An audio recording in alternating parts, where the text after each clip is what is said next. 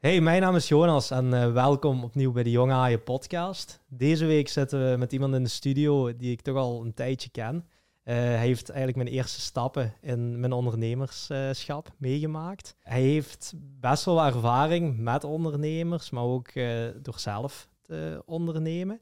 Hij begon zijn carrière bij een bank, eigenlijk kredieten, leningen vanuit de bank had hij dan toch gemerkt, ja, het, is, het is vooral leuk om samen met mensen in, bedrijfs, in de bedrijfswereld samen te zitten, uh, die relatie te voeden en iets op te bouwen. Zo is hij daarna terechtgekomen bij eh, VKW. Daar heeft hij zich eigenlijk gespecialiseerd op de jongere kant van eh, VKW, dus Jong VKW Limburg. Daar heeft hij een beetje de passie, denk ik, voor ondernemerschap toch, toch aangevoeld of, of aangewakkerd gekregen. Heeft hij samen met zijn broer Gemini opgestart. Gemini is eigenlijk een, uh, een armbandjesmerk voor mannen. Ik denk dat de luisteraars en de kijkers dat zich nog herinneren. Er is een tijd geweest, het is al even geleden, maar dat er armbandjes met uh, ja, soort kraaltjes waren en, en doodskopjes erop. En ik vond het heel zot, maar achteraf bleek dus dat dat merk van Mark en zijn broer was geweest. Dat hebben zij een drie jaar gedaan. Hebben ze toen ook verkocht. Dus heeft iemand eigenlijk het merk verder gezet en overgenomen. Mark is daarna ergens bij LRM terechtgekomen. LRM is de Limburgse reconversiemaatschappij. Die zit op de Corda campus. Zij houden zich eigenlijk bezig met het uh, verstrekken van kapitaal um, en leningen aan uh, start-ups, scale-ups.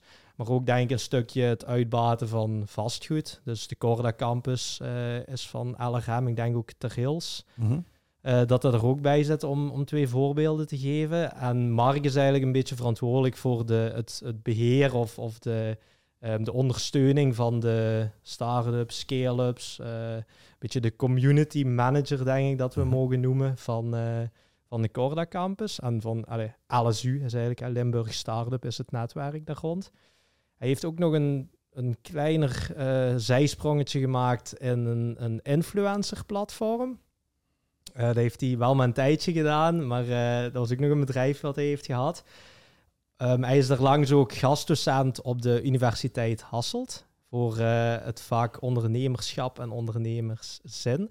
Dat hij eigenlijk studenten begeleidt in ja, kleine zakelijke small business projects. En het ondernemerschap bij de studenten een beetje stimuleert. Dus dat vind ik ook een, een, een, een heel, iets heel knap. En als dat nog niet genoeg was, heeft hij ook nog een boek geschreven met uh, professor Dr. Uh, Pieter van de Kerkhoff. En het boek heet Soft Skills in, uh, on, ja, in ondernemerschap. maar het is vooral gericht op de, de zachte vaardigheden. Niet alleen de, de hard skills, maar ook uh, de soft skills, die volgens hem toch wel een keer extra belicht mochten worden. En daar heeft hij, ja, een, allez, bij wijze van spreken, al ondertussen heel Vlaanderen de afgelopen tijd mee rondgetoerd. Uh, bij heel veel bedrijven, bij onderwijsinstellingen. Uh, op heel veel plaatsen geweest. Dus ik ben eigenlijk heel, ja, heel blij, heel verheugd om Mark Beenders hier vandaag te mogen verwelkomen in de studio. Jonas, je hebt mijn LinkedIn van buiten geleerd. Nee, nee ik, heb, ik heb het niet van buiten geleerd, maar ja. ik heb wel eens gekeken natuurlijk, ja. wat je allemaal hebt gedaan, ook ja. om een beetje een tijdlijn... Het is wel een eer om bij de jonge haaien te komen. Ja, ja, ik had die nog heel jong ingeschat, we gaan ook je leeftijd niet zeggen, ik heb het nee, straks tegen ze mij Ze mogen gezegd. het raden, dan zal ik een boek weggeven. Gaat de leeftijd van maken, zo een andere reacties onder. In een boek. ja, ja. ja. Nee, maar ik, uh, ja, ik denk, Marcus, uh, je bent heel erg betrokken bij ook ja, jongeren, bij uh, het, het, ondernemerschap eigenlijk ook stimuleren. maar ook bij start-ups, bij scale-ups. Ja, het is gelukkig iets wat dat in onze samenleving veel meer aandacht heeft gekregen dan, dan laten we zeggen, pakweg 20 jaar geleden. Hè? Ja. Er zijn veel meer initiatieven, instanties, organisaties, hulplijnen gekomen om om de stap tot ondernemen te zetten. Uh, los van het feit of iemand jong is of niet jong is, maar iemand die zegt van kijk, ik wil, ik, wil, ik wil zelf iets proberen, ik wil zelf wat risico nemen, ik heb een idee en ik wil daar iets mee doen. Ja, zitten we vandaag gelukkig in een veel aangenamer klimaat dan, uh, dan, dan toen ik afgestudeerd ben. Ja, ja, ja klopt. klopt. Ja. Want ik, ik ben ook eigenlijk ja, via de universiteit... Ja Um, ja, daar zit op de Universiteit Hasselt zit daar gewoon een, een, een persoon ja, die een vaste dienstverlening geworden een, op, op alle vlakken en, en, en uh, daar wordt goed werk geleverd. En ja. ik denk dat zelfs het aanbod vandaag de dag zo groot is dat, dat je ook moet kijken dat er niet te veel ondersteund en gecoacht wordt, hè, dat je nog altijd de regie in, eigen handen neemt en dat je heel doelbewust kiest van oké, dat wil ik doen, dat wil ik niet doen, daar ga ik mijn tijd in steken als ondernemer en daar niet. Want het feit dat je wordt ondernemer om nog altijd zelf je keuzes te maken, hè, dus verlies je ook niet in dat landschap, hè, dat geef ik ook altijd mee als tip. Dus wees daar zelf ook kritisch genoeg in om, om ook, ook met sommige dingen misschien niet verder te gaan of te stoppen. Ja.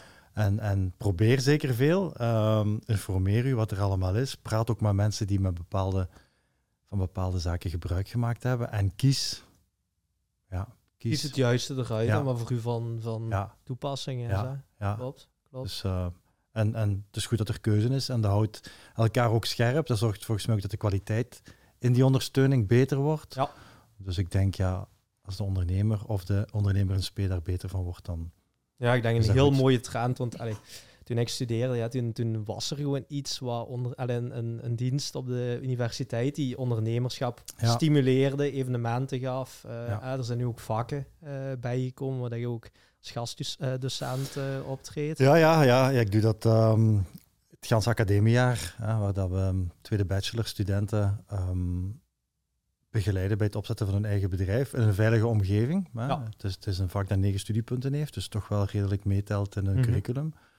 Um, er zijn een, een, kleine honderdtal studenten per jaar, een kleine twintig groepjes van een vijftal studenten die heel het proces uh, doormaken. Dus we gaan brainstormen, teams samenstellen, ideeën bedenken, product of dienst ook ontwikkelen, aandeelhouders zoeken, uw idee en uw product verkopen. dus het moet ook effectief vermarkt worden. Ja. Um, ja, dan hopen dat we met winst kunnen eindigen.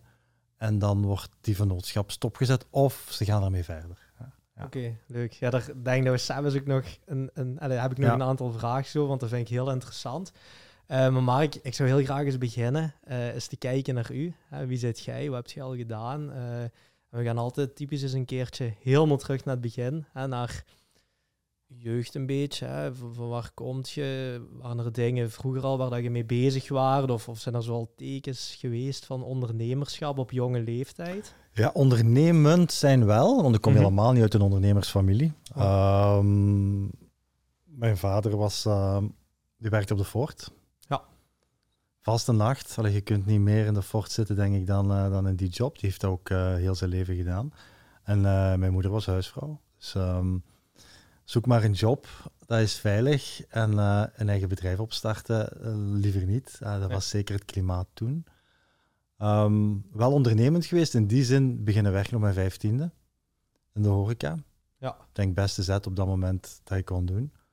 Um, als mijn klasgenoten op stap gingen, zat ik, zat ik te werken met veel plezier. Dus een echt uitgaansleven heb ik als jeugd nooit gehad. Um, ook de nood niet gehad om, om, om te doen.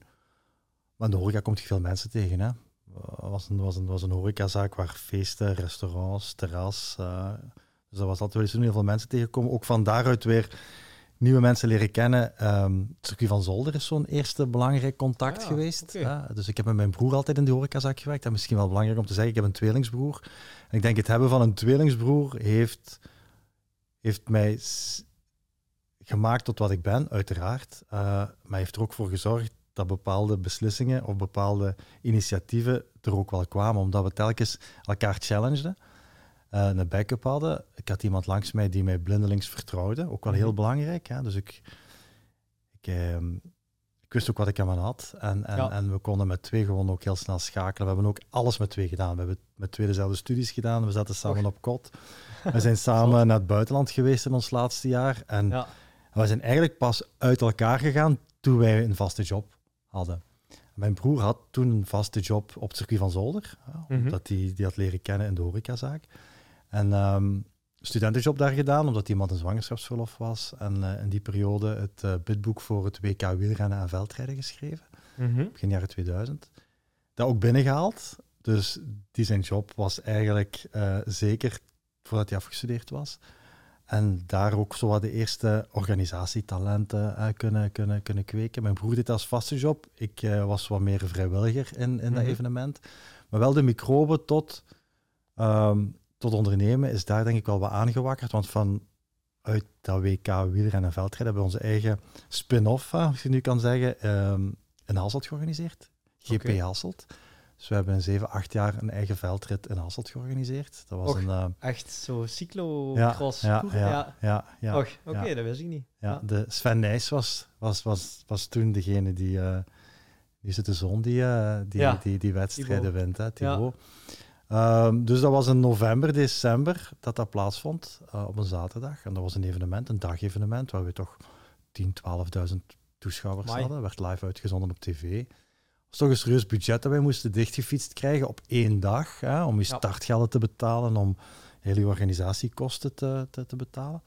Maar goed, je hebt ook wel 364 dagen de tijd om daaraan te werken dan. Hè, om die ene dag. Maar goed, we hebben sneeuw gehad, we hebben zon gehad, we hebben wind gehad, we hebben regen gehad. Uh, ze hebben eigenlijk alle weersomstandigheden gehad. En het werd ook uitgezonden op tv, dus dat was een beetje... Dat was een voordeel, maar ook een beetje uw concurrent. Hè, Dus je moest ook wel wat mensen daar krijgen. We hadden daar een hele grote VIP-dorp. Uh, dus ook daar weer mensen leren kennen, ook weer bedrijven leren kennen. En ja, netwerk, ik zeg het ook tegen de studenten, uw netwerk is uw waardevolste goed. Het is niet wat dat je kent, maar wie dat je kent. En, en, en uw netwerk uitbouwen, dat begint vanaf de dag dat je je ogen open doet. Hè. En, mhm. en je komt mensen altijd terug tegen. Um, ik zeg, het leven is een draaideur. Uh, gooi nooit deuren definitief dicht, want allee, dat zou wel eens vies kunnen terugkomen. Ja. En ja, we hebben dat zeven, acht jaar gedaan. Dat hebben we dan verkocht aan Golazzo Octagon. Ah ja, die de dwars door Hasselt en zo organiseert. Maar wat eigenlijk de natuurlijke partner ook was van het organiseren van sportevents. Maar goed, zo'n eerste bedrijfje, hè, want het was een, was een VZW-structuur verkopen. Ja, dat was tof. Dat was, dat was echt dat was, dat was leuk. Allee, we hebben dat zeven, acht mhm. jaar gedaan, altijd met dezelfde equipe. Um, dus dat was het eerste ondernemersavontuur. Veldrijden. Ja. ja. ja met heel veel vrijwilligers. Hele leuke vibe, hele leuke dag. Ja, dat was, uh, dat was eigenlijk genieten. Ook altijd gecombineerd met een vaste job. Hè. Dus ik heb wel altijd ondernomen, maar altijd in combinatie met een vaste job bij mhm. ofwel de bank, ofwel bij VKW, ofwel bij LRM. Oké. Okay. Dus eerder wat hybride ondernemer geweest. Ja, ja want dan ben ik eigenlijk heel straf nu. Je hebt eigenlijk wel echt zotte dingen gedaan, maar je geeft eigenlijk al heel goed aan van ja, ik heb het altijd gecombineerd. Ja, die veiligheid. En bij mij moet ondernemen ook elke dag fun zijn. Ja. Dus ik probeer, en dat is misschien ook wel gewoon de aard van het beestje. Hè? Want er zijn mensen die dan zeggen, ah, je hebt het nooit echt ondernomen, want je hebt het niet 100% gedaan.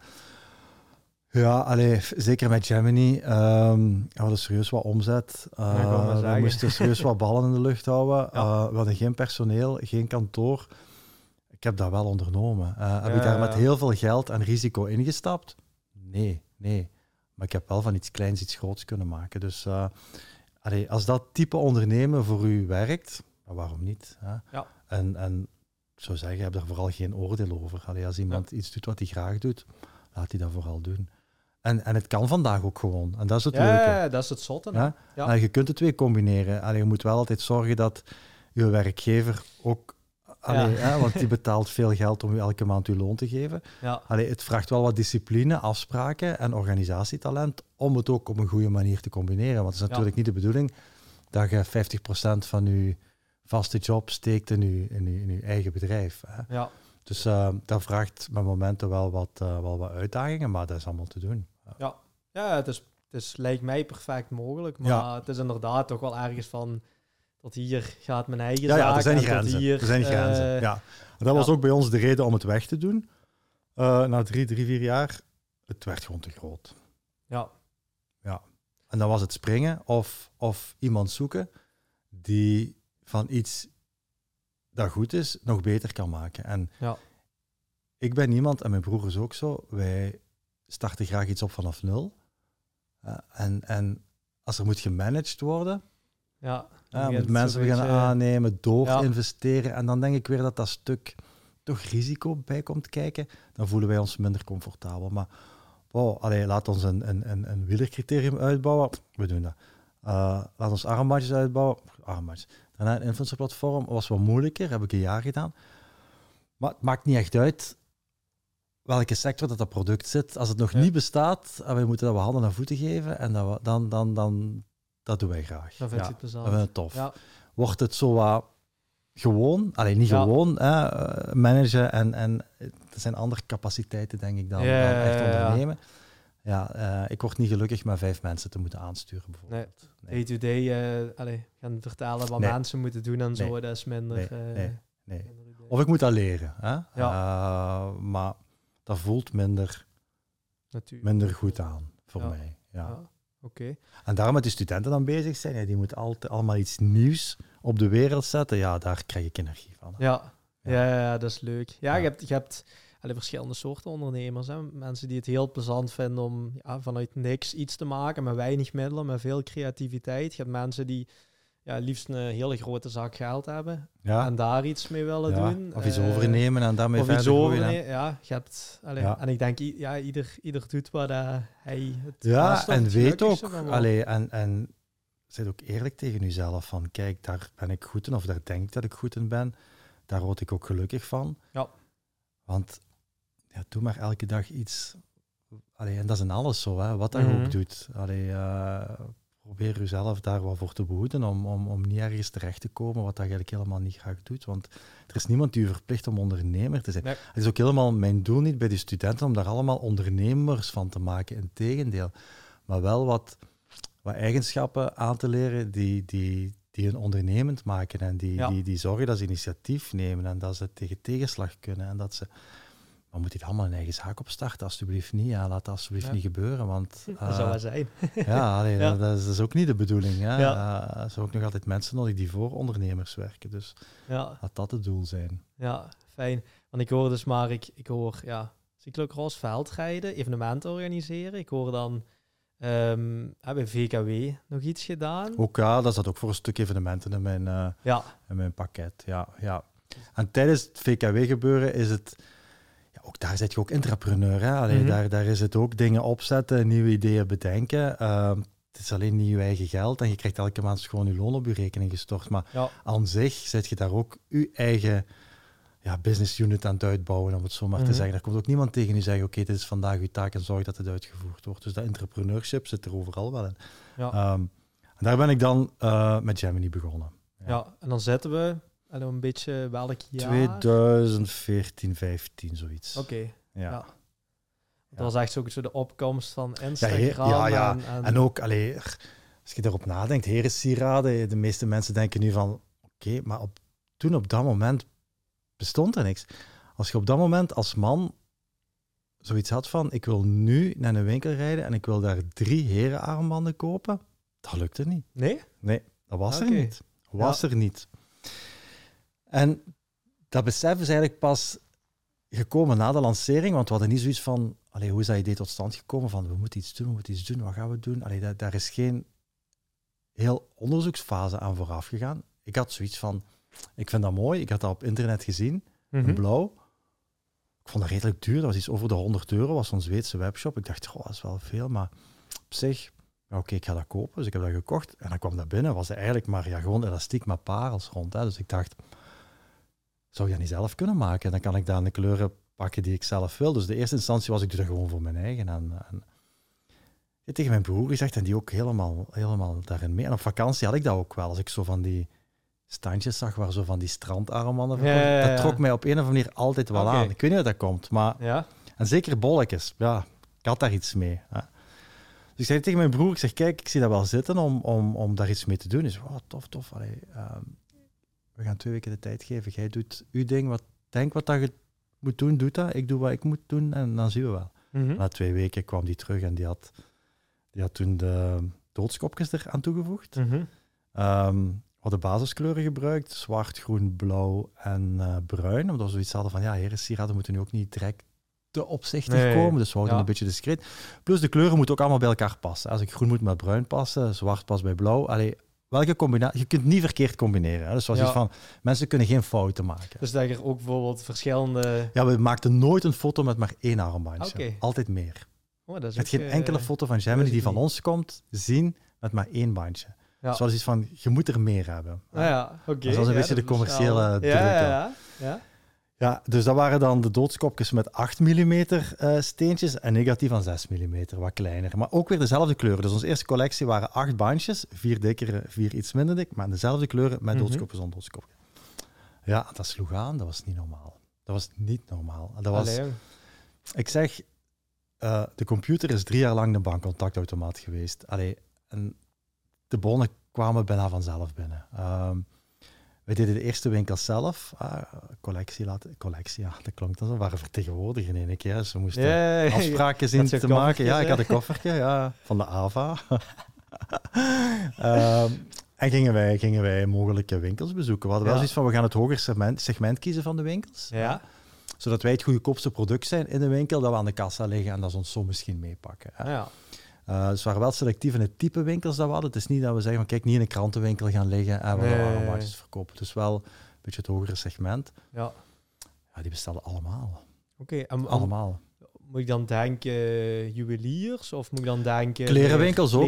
Ja, ah, okay. ja, ja, herenkleding uh, en juweliers zijn er ook snel bijgekomen. Okay. Maar wij dachten, ja, een juwelier gaat dat, dat niet wel. misschien, ja. Maar nee, nee, die zeiden juist, ja, dat is een heel commercieel product. Ja. Allee, mensen komen speciaal voor dat naar hier en, en, zien op die manier ook... Uh, Al de rest. Ja, ook weer uh, de, de andere collectie. Oh, ja. ja. dat ging vlot. Dat ging vlot. Ja, en dan hadden we agenten in dienst. Of ja, in dienst niet, want die zijn niet in dienst, die zijn zelfstandig. Mm -hmm. Maar die voor ons de baan deden en die, ja, die bonnen ophaalden. Hè. En dan, uh, dus dat zijn eigenlijk een soort vertegenwoordigers ja, die je dan, ja. dan... Dus je kunt, je kunt met een agent werken of met een distributeur. En mm -hmm. uh, een agent is iemand die voor u bestelbonnen verzamelt ja. en die daar een commissie op krijgt. Hè, maar die s'avonds als hij thuis komt de bestelbonnen naar u doorstuurt of een systeem ingeeft. Hè.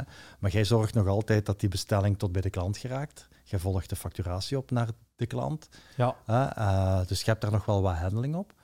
En de, de agent die u die ingevulde bon geeft, krijgt een commissie 10, 12 procent ongeveer op het bruto bedrag. Hè. Dus ja. als die voor een bestelling van 1000 euro binnenbrengt, heeft hij 100 euro verdiend. Ja. En uh, een agent doet in het begin heel hard zijn best om heel veel winkels te openen. Want ja, dan is dat recurrent. Hè? Dan gaat die winkel rechtstreeks naar ons een bestelling doen. Mhm. Mm -hmm. En die agent die krijgt eigenlijk uh, zijn commissie zonder dat hij die winkels zou moeten bezoeken. Hè? In het beste okay. geval. Hè? Ja. Maar goed, een goede agent volgt zijn winkels wel op en zorgt Mhm. mm -hmm. dat er weer wat bij bestelt. Maar goed, in principe is dat snel. Dus het is wel zo dat, dat het is niet, het is maar één verkoop en hij krijgt... Allee, Constant voor elke bon dus die na... elke bon die uit die diezelfde winkel Ja, komt. ja. Uh, okay. Zelfs, allee, dat is uh, de agenten, of ja, agentuurovereenkomst is een, is een Europese wetgeving. Mm -hmm. Dus mensen die eraan denken om een verkoop via agenten te doen. Want Ja. op zich heb je die persoon niet op de payroll. No cure, no pain. Als jij verkoopt, word ik beter en krijg je ook een deel van de winst. Hè. Ehm, maar wel interessant om een keer de wet op de handelsagentuur na te lezen als je in zee wilt gaan met agenten, omdat die heel sterk beschermd zijn. Mhm. Allee, zo sterk zelfs beschermd dat als de samenwerking fout loopt, Ja. dat die nog anderhalf jaar recht heeft op de commissies die die klant, uh, of ja, de bestellingen die die Ja. klant doet, um, dus na die eerste bestelling. Ja. Dus je weet, als de samenwerking met een agent niet goed loopt en je wilt daar afscheid van nemen, dat je nog anderhalf jaar gebonden bent. Aan die agent, tenzij, en nu komt het, hè, dat je een dossier hebt opgebouwd waaruit blijkt dat er eigenlijk een beetje schuldig verzuim is. Hè. Dus dat de agent Ja. zijn werk niet gedaan heeft of Mhm. ja, bepaalde afspraken niet is samengekomen. Dan kun je Ja. in onderhandeling gaan met die agent om te zeggen van ja, kijk, oké, 18 maanden is bij wet bepaald, maar sorry, dit gaan we niet doen, want hè, dit en Ja. dit en dit is niet gebeurd. Ofwel krijg je niks meer, ofwel zeggen we kijk nog zes maanden of twaalf maanden. Ja.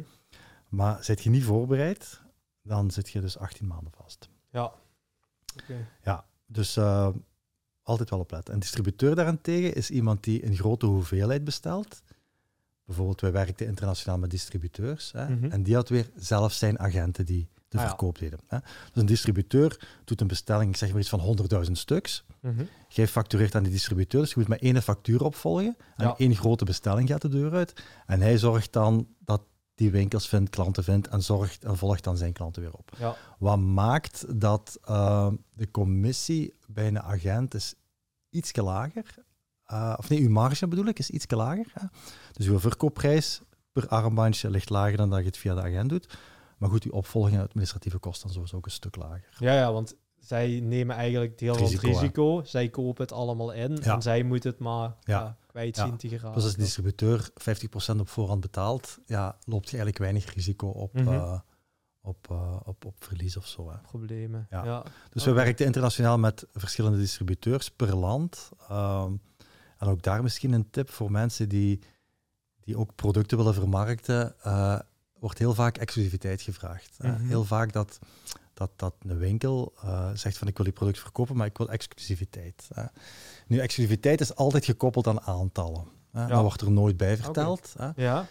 Um, maar als jij zegt je krijgt exclusiviteit, maar je spreekt geen minimum omzet af of een minimum aantal verkochte stuks, ja, als die dan één stuk verkoopt, dan kun je in heel die regio waar je exclusiviteit hebt gegeven geen andere verkoper langs zetten en kan die jou zelfs voor een stuk wel lam leggen. Ja, ja, ja, En, en ik kan misschien zo'n anekdote geven, want we hebben het aan de lijve ondervonden.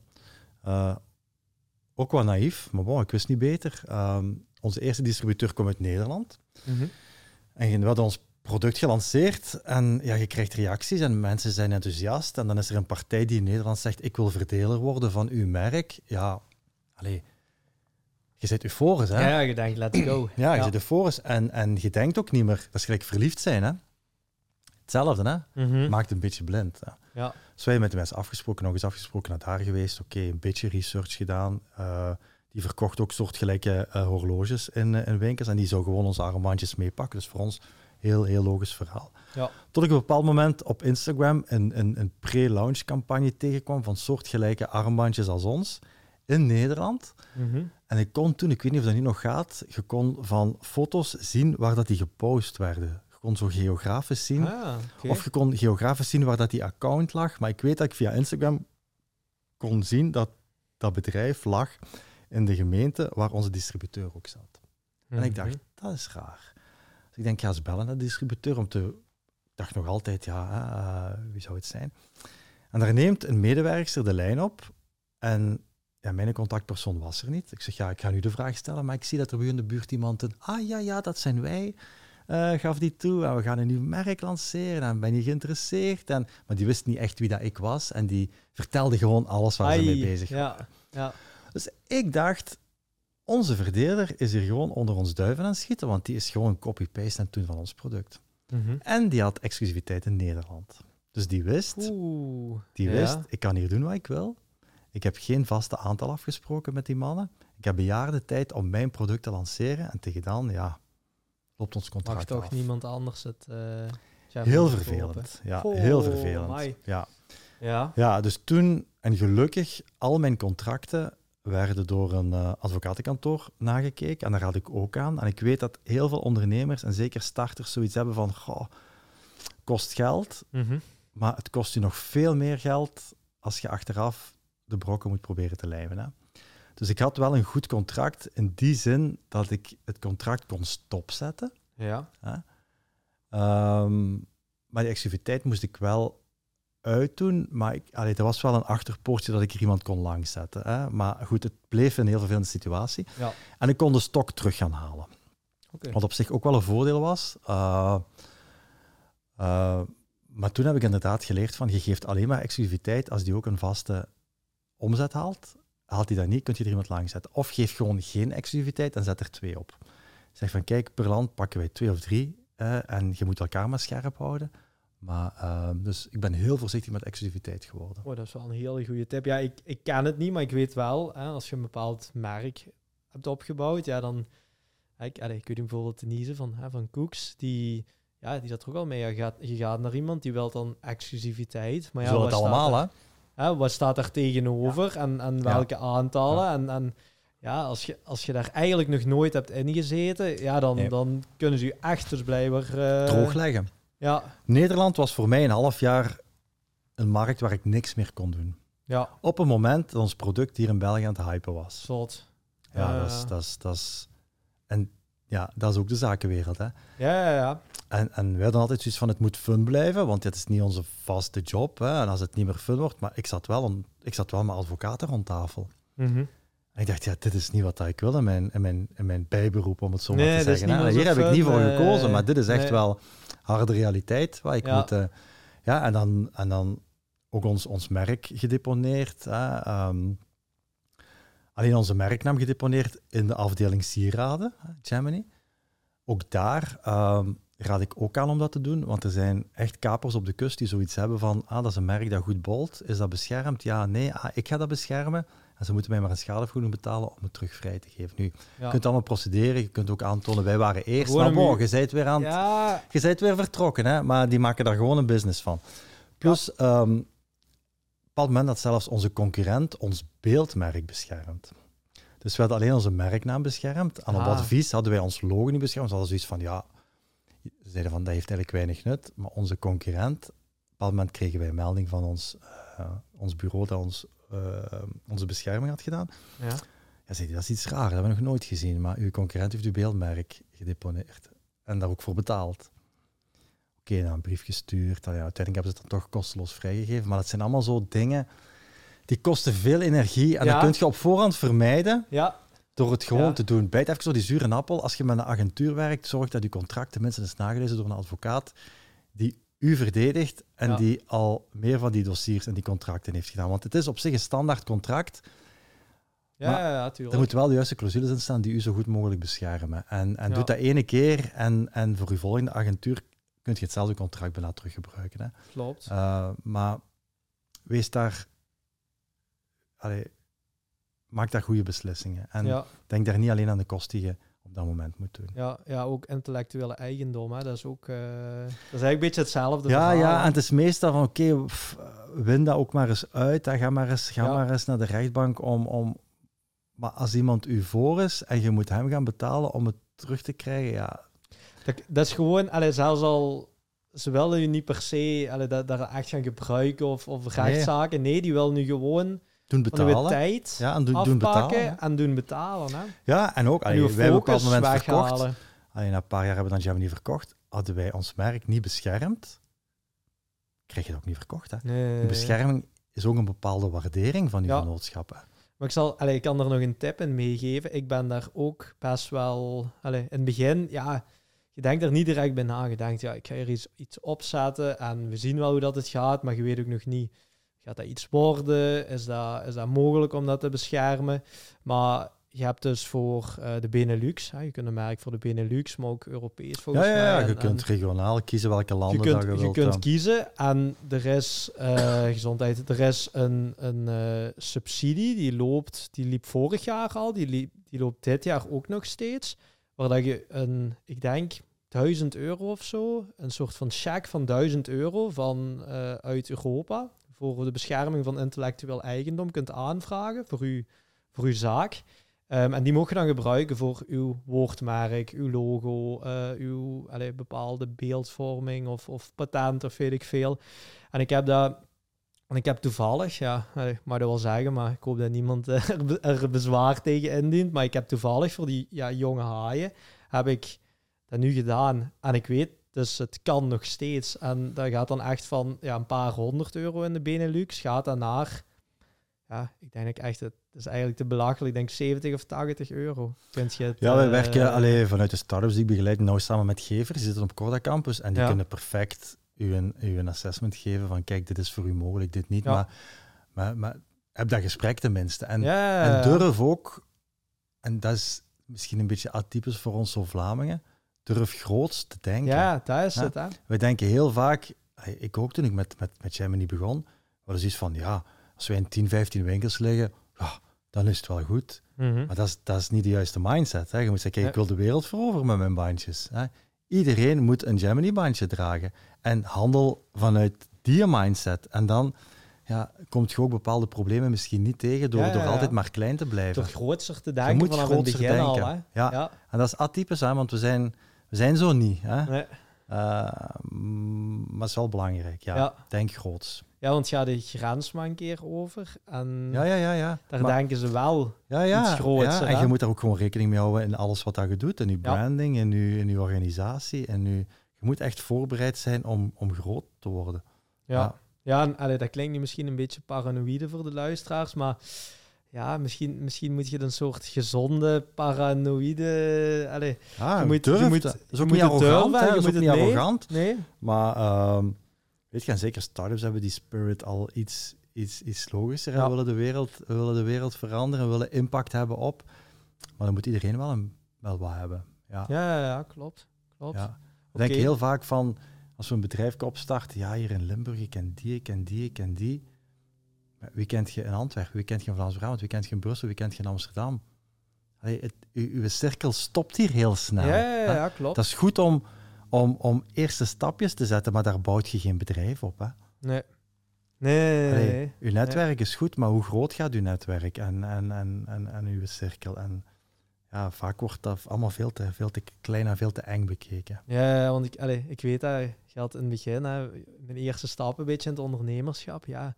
Allez, je verplicht mij ook een beetje om, ja, denk eens iets groter, denk eens iets breder. En, en ja, wij hebben dat blijkbaar niet zo, allez, niet allemaal, nee, niet als Vlaming. zeker als mensen een bedrijf opstarten, die, die, die, die zijn veel te veel bezig met, met die ontwikkelingsfase, hè, van dat mhm. creatieve. Ja. ik ga een app bouwen en dat moet er zo uitzien. En ze weten hoe elk knopje in die app eruit ziet. Maar ik vraag dan altijd, oké, goed, stel die app is er. Wat dan? Hoe je het vermarkten? Wat dan? Maar de meeste stoppen bij denken tot, ik moet nu een, een, een platform ontwikkelen. Hoe moet dat platform eruit zien? welke toeters en bellen moeten daarop zitten? Ja, tuurlijk, dat is een oefening die je moet doen.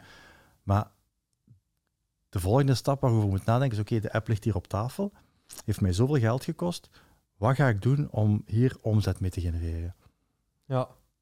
Hoe ga ik ervoor zorgen dat iemand in Duitsland, Nederland, Frankrijk die app leert kennen? Welke stappen moet ik daarvoor zetten?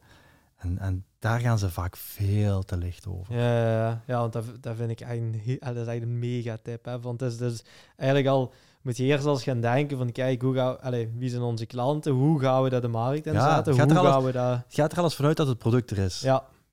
Want die creatieve fase, dat is het, dat is het leukste. Hè? Ik vond dat mhm. ook tof. Ja. Ah, oh, dat bandje die kleur en die kleur en de verpakking dit en het logo dat en de branding dit en de website dat. Maar er komt heel snel een punt dat dat er allemaal is. Ja. En dan, moet je, andere kwaliteiten hebben. Hè? En heb jij die? Kunt jij verkopen? Wilt jij winkels binnenstappen? Wilt jij de telefoon pakken om, om je, om uw armbandjes aan te bieden. Dat vind ik heel interessant, want ik merk toch zo bij ja, onze leeftijd, alles is heel veel digitaal gebeurd. Alles is iedereen is gewoon om te chatten, niet meer echt te telefoneren. Sommige mensen hebben zelfs schrik om te telefoneren. Ja, is, ik zie dat bij, bij mijn studenten, dat is, dat is bijna genormaliseerd. Meneer, ik durf niet te bellen. Mhm. Ja, ja, ik durf niet te bellen. Ja. ja, dan pakken we nu de telefoon en dan gaan we bellen. Hè? Ja. En in het begin was ik nog zo naïef om te zeggen: Oké, je gaat nu bellen, ga naar buiten. Nu ga ik mee naar buiten, want het was altijd het was de voicemail. Hè? Ja, ja, ja, ja, zo gezegd. Ja. Uh, dus dat is echt wel een drempel die uh, de nieuwe generatie moet, moet overwinnen. Ja.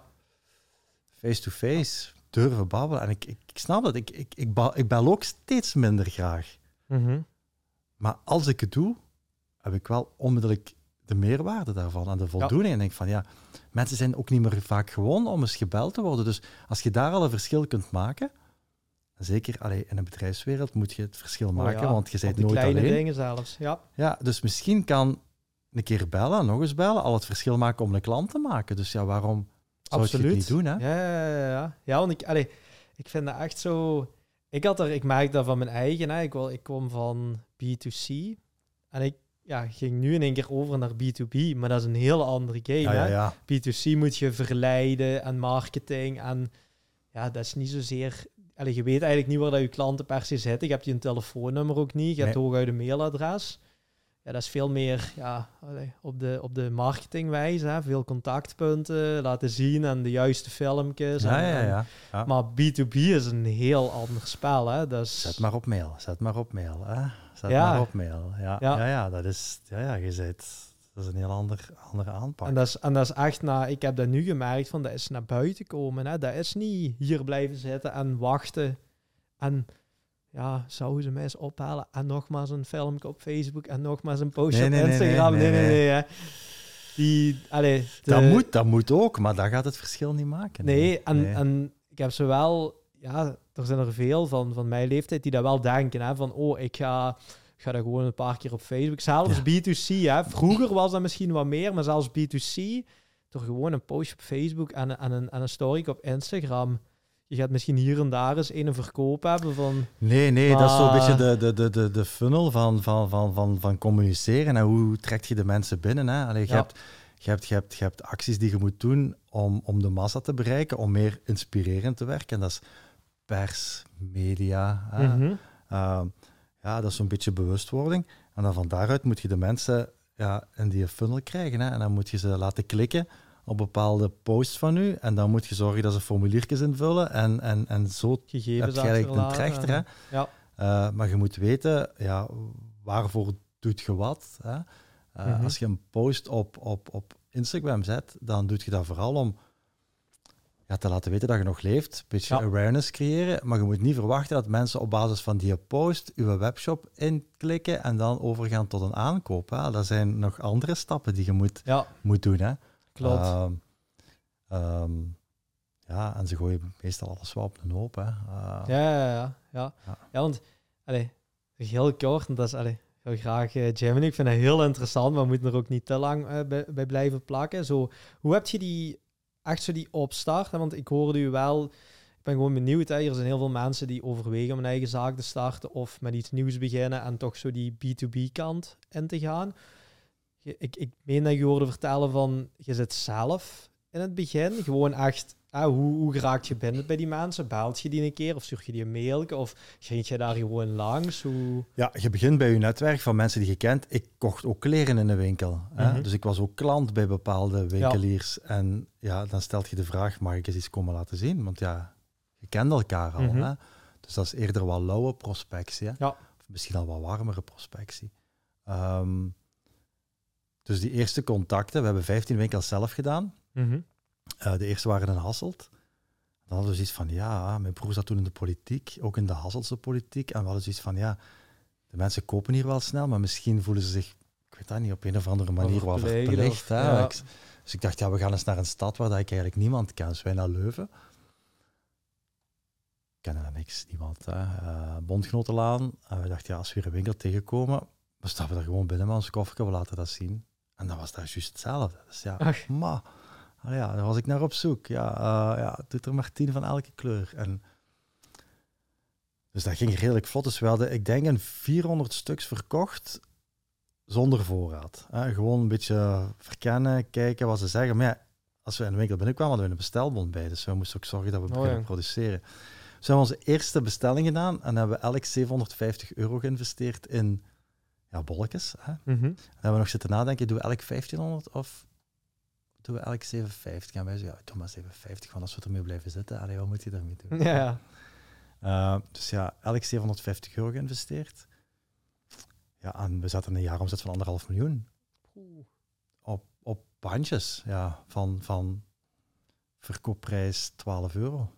Dus dat waren een 10.000 stuks per maand die de deur uitgingen.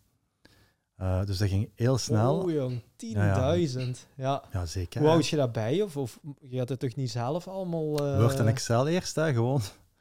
We hebben heel veel zelf gemaakt in het begin. Dat is echt de eerste 400 zelf gemaakt. Hè. Op donderdag kregen wij onze, onze voorraad binnen en we hadden de winkels beloofd om op zaterdag... Mai. ja, we hadden dat beloofd toen we nog meer tijd hadden, want op die zaterdag was Fashion Weekend in Hassel en we dachten dat is wel zo'n leuk moment om als deadline te hebben. Hè. Maar de bestelling die we gedaan hadden, die kwam maar niet door. Die bleef bij de douane zitten.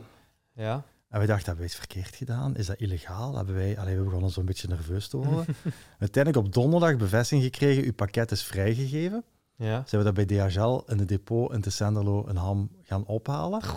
Ja. Maar ja, het was bijna zaterdag, hè? dus we moesten die 400 stuks gemaakt hebben. Dus die hebben wij aan de keukentafel echt, als vingers zaten vol maar kool aan. Dat was echt, dat was wel grappig. En um, ja, dan verdeeld. En dan is dat zo op social media gekomen. En ja, dan krijg je reacties van andere winkels. Kun je dat hier ook eens komen laten kijken. Ja, Dus daar is dan zo wel wat gegaan. En op basis daarvan is onze eerste agent ook, heeft die contact met ons opgenomen. Van ik heb uw merk gezien, ik zoek een nieuw merk. Dus heel veel is naar ons toegekomen. Ja. Dus wij zijn eigenlijk vaak gewoon heel reactief moeten beginnen handelen. Hè. Mm nu, en dan zoekt je wel, je maakt een longlist van, uh, van winkels. Wie zijn voor ons interessant? gestuurde mailingsje, mogen langskomen. Allee, dat doet je wel proactief. Ja. En dan een webshop ook opgezet voor de B2C wat te servicen. Uh, maar goed, in die tijd was zo de webshops, 2015. ja. Ja, ja. we zaten altijd op zo'n spanningsveld met onze, onze winkels die voor de grootste omzet zorgden. En die zo, hm, die webshop, ja, in ons ja, Ja, dus op een moment hadden wij ook op onze webshop een module toegevoegd dat je je eigen bandje kon samenstellen. Dus alle kleurenbolletjes stonden erop en je kon die slepen naar je bandje. En dan oh zag je eigenlijk... Uh, dat was best hip. Uh, ja, ja, maar goed, dat, je moest dat wel één per één maken. Hè? Dus ja, die productie moest wel volgen. Hè? Dus je kon maken wat je wou, tussenzetten wat je wou. En dat was mooi gebouwd. We zijn ermee moeten stoppen, omdat de winkels dat ons niet een dank afnamen. Mm. Vandaag de dag zou dat wel anders zijn, maar toen hebben we dat niet kunnen... Hebben we gewoon die website stopgezet. Ja. We kregen te veel kritiek en we dachten van ja... Allee, ongeveer 30% was webshop, 70% was van de winkels. We dachten ja, we gaan die winkels het gunnen en ook niet meer geen ruzie maken. Ja. Ook sommige winkels waren geholpen met hun webshop op te, op te zetten en zo. Dus uh, we hebben dat wel altijd een goed, een overleg gedaan. Maar spanningsveld. Maar goed, vandaag de dag is dat evident dat je als eigen brand je webshop hebt. Hè. Ja, Toen werd dat niet altijd een dank afgenomen. Ehm, ja, en zo, uh, zo gegroeid. Hè. En dan met een sociale werkplaats in zee gegaan die de productie heeft overgenomen. Ah, oké. Ja, want ja. je, je kunt toch niet blijven. Heel onze familie was armbandjes aan het maken. Ja, ja daarom. daarom Iedereen had... Uh, eh, 10.000 per maand. Die had een job en uh, die maakte knoopjes. Ja, iedereen was armbandjes aan het maken. Oh. Ja. Uh, en dan thuis in de living pakketjes maken. Ja, echt ja, gelijk dat dat huis, tuin en keuken gebeurt. Hè. Ja. En dan heeft de sociale werkplaats dat overgenomen. Die waren met 60 mensen en die hebben fulltime, zaten die elke dag armbandjes te maken. En dat was, dat was voor hun goed, want zij hadden een, een goede klant bij. Ah, want de subsidies voor die sociale werkplaatsen waren toen wat, of maatwerkbedrijf heet dat nu, mm waren fel verminderd. En um, wij konden heel flexibel produceren. Hè? Ja. want op een duur hadden wij een veertigtal kleuren en modellen en groottes we wisten ook niet, allee, small, medium, large, extra large, maar de winkels voegen dan daar twee bolletjes minder, daar drie bolletjes meer. Dus zo, zo gepersonaliseerd ging dat. Ja, ja, Dat kun je in China niet georganiseerd krijgen. Hè. Terwijl bij die mensen ging dat perfect. Ja. Oh jong, en, maar ik vind het ook zo knap, want het is, eigenlijk is het ook zo lean, hè, want je, je hebt zelf geen grote werkplaats, je hebt geen personeel uh, daar zitten die die productie doet. Eigenlijk combineert je het dan zelfs nog met... We waren verplicht om lean te werken, want anders ja. kregen we dat niet gecombineerd. Hè. Dus onze organisatie was dat wij onze back-office activiteiten, die deden wij.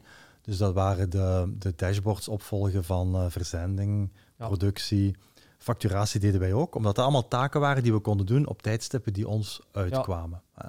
Maar we hadden bijvoorbeeld geen telefoonnummer op, op onze website onze agent, zijn telefoonnummer was het enige nummer dat verdeeld werd. En als een winkel een probleem had, moest hij naar de hoofdagent bellen. Die moest dat proberen op te lossen. Lukt dat niet, kon die ons wel bereiken. Maar wij hebben nooit telefoon gekregen van de winkel. Ah, hier is een bandje te weinig. Of ik heb hier een klant met kapot. Oh, dus, ja. dus was onze front office taken en onze back office taken waren heel goed afgeleid. Maar dat was gewoon pure noodzaak. Maar dat vind ik heel zot, want allee, zo ja, schermt je toch wel een beetje af. Hè, Moest, hè? Ik, kon, ik deed ook... Niet op je werk... Ik deed op mijn eh, werk ook nooit een Gemini armbandje zelf aan. Omdat ik zoiets had van, ik wil ook niet uitdagen. Klinkt misschien wat extreem. Maar op je werk, ja, zit jij Mark van VKW of LRM op dat moment en uw werkgever verwacht dat jij 100% of misschien zelfs meer je job doet waar je op dat moment voor betaald wordt. Ja. Dus ik had zoiets van, ja, als ik nu met die bandjes hier rondloop, ga ik misschien... Ja, je brengt het onder de aandacht. Ja, en ik had dat liever dat je die indruk wekken. Zo ja. Van, hmm. ja, dus ik deed op het werk niet aan. En ik kreeg vaak zo feedback, zeker alleen van... Bij VKW waren veel bedrijven die getekend alleen je hebt je eigen product niet aan.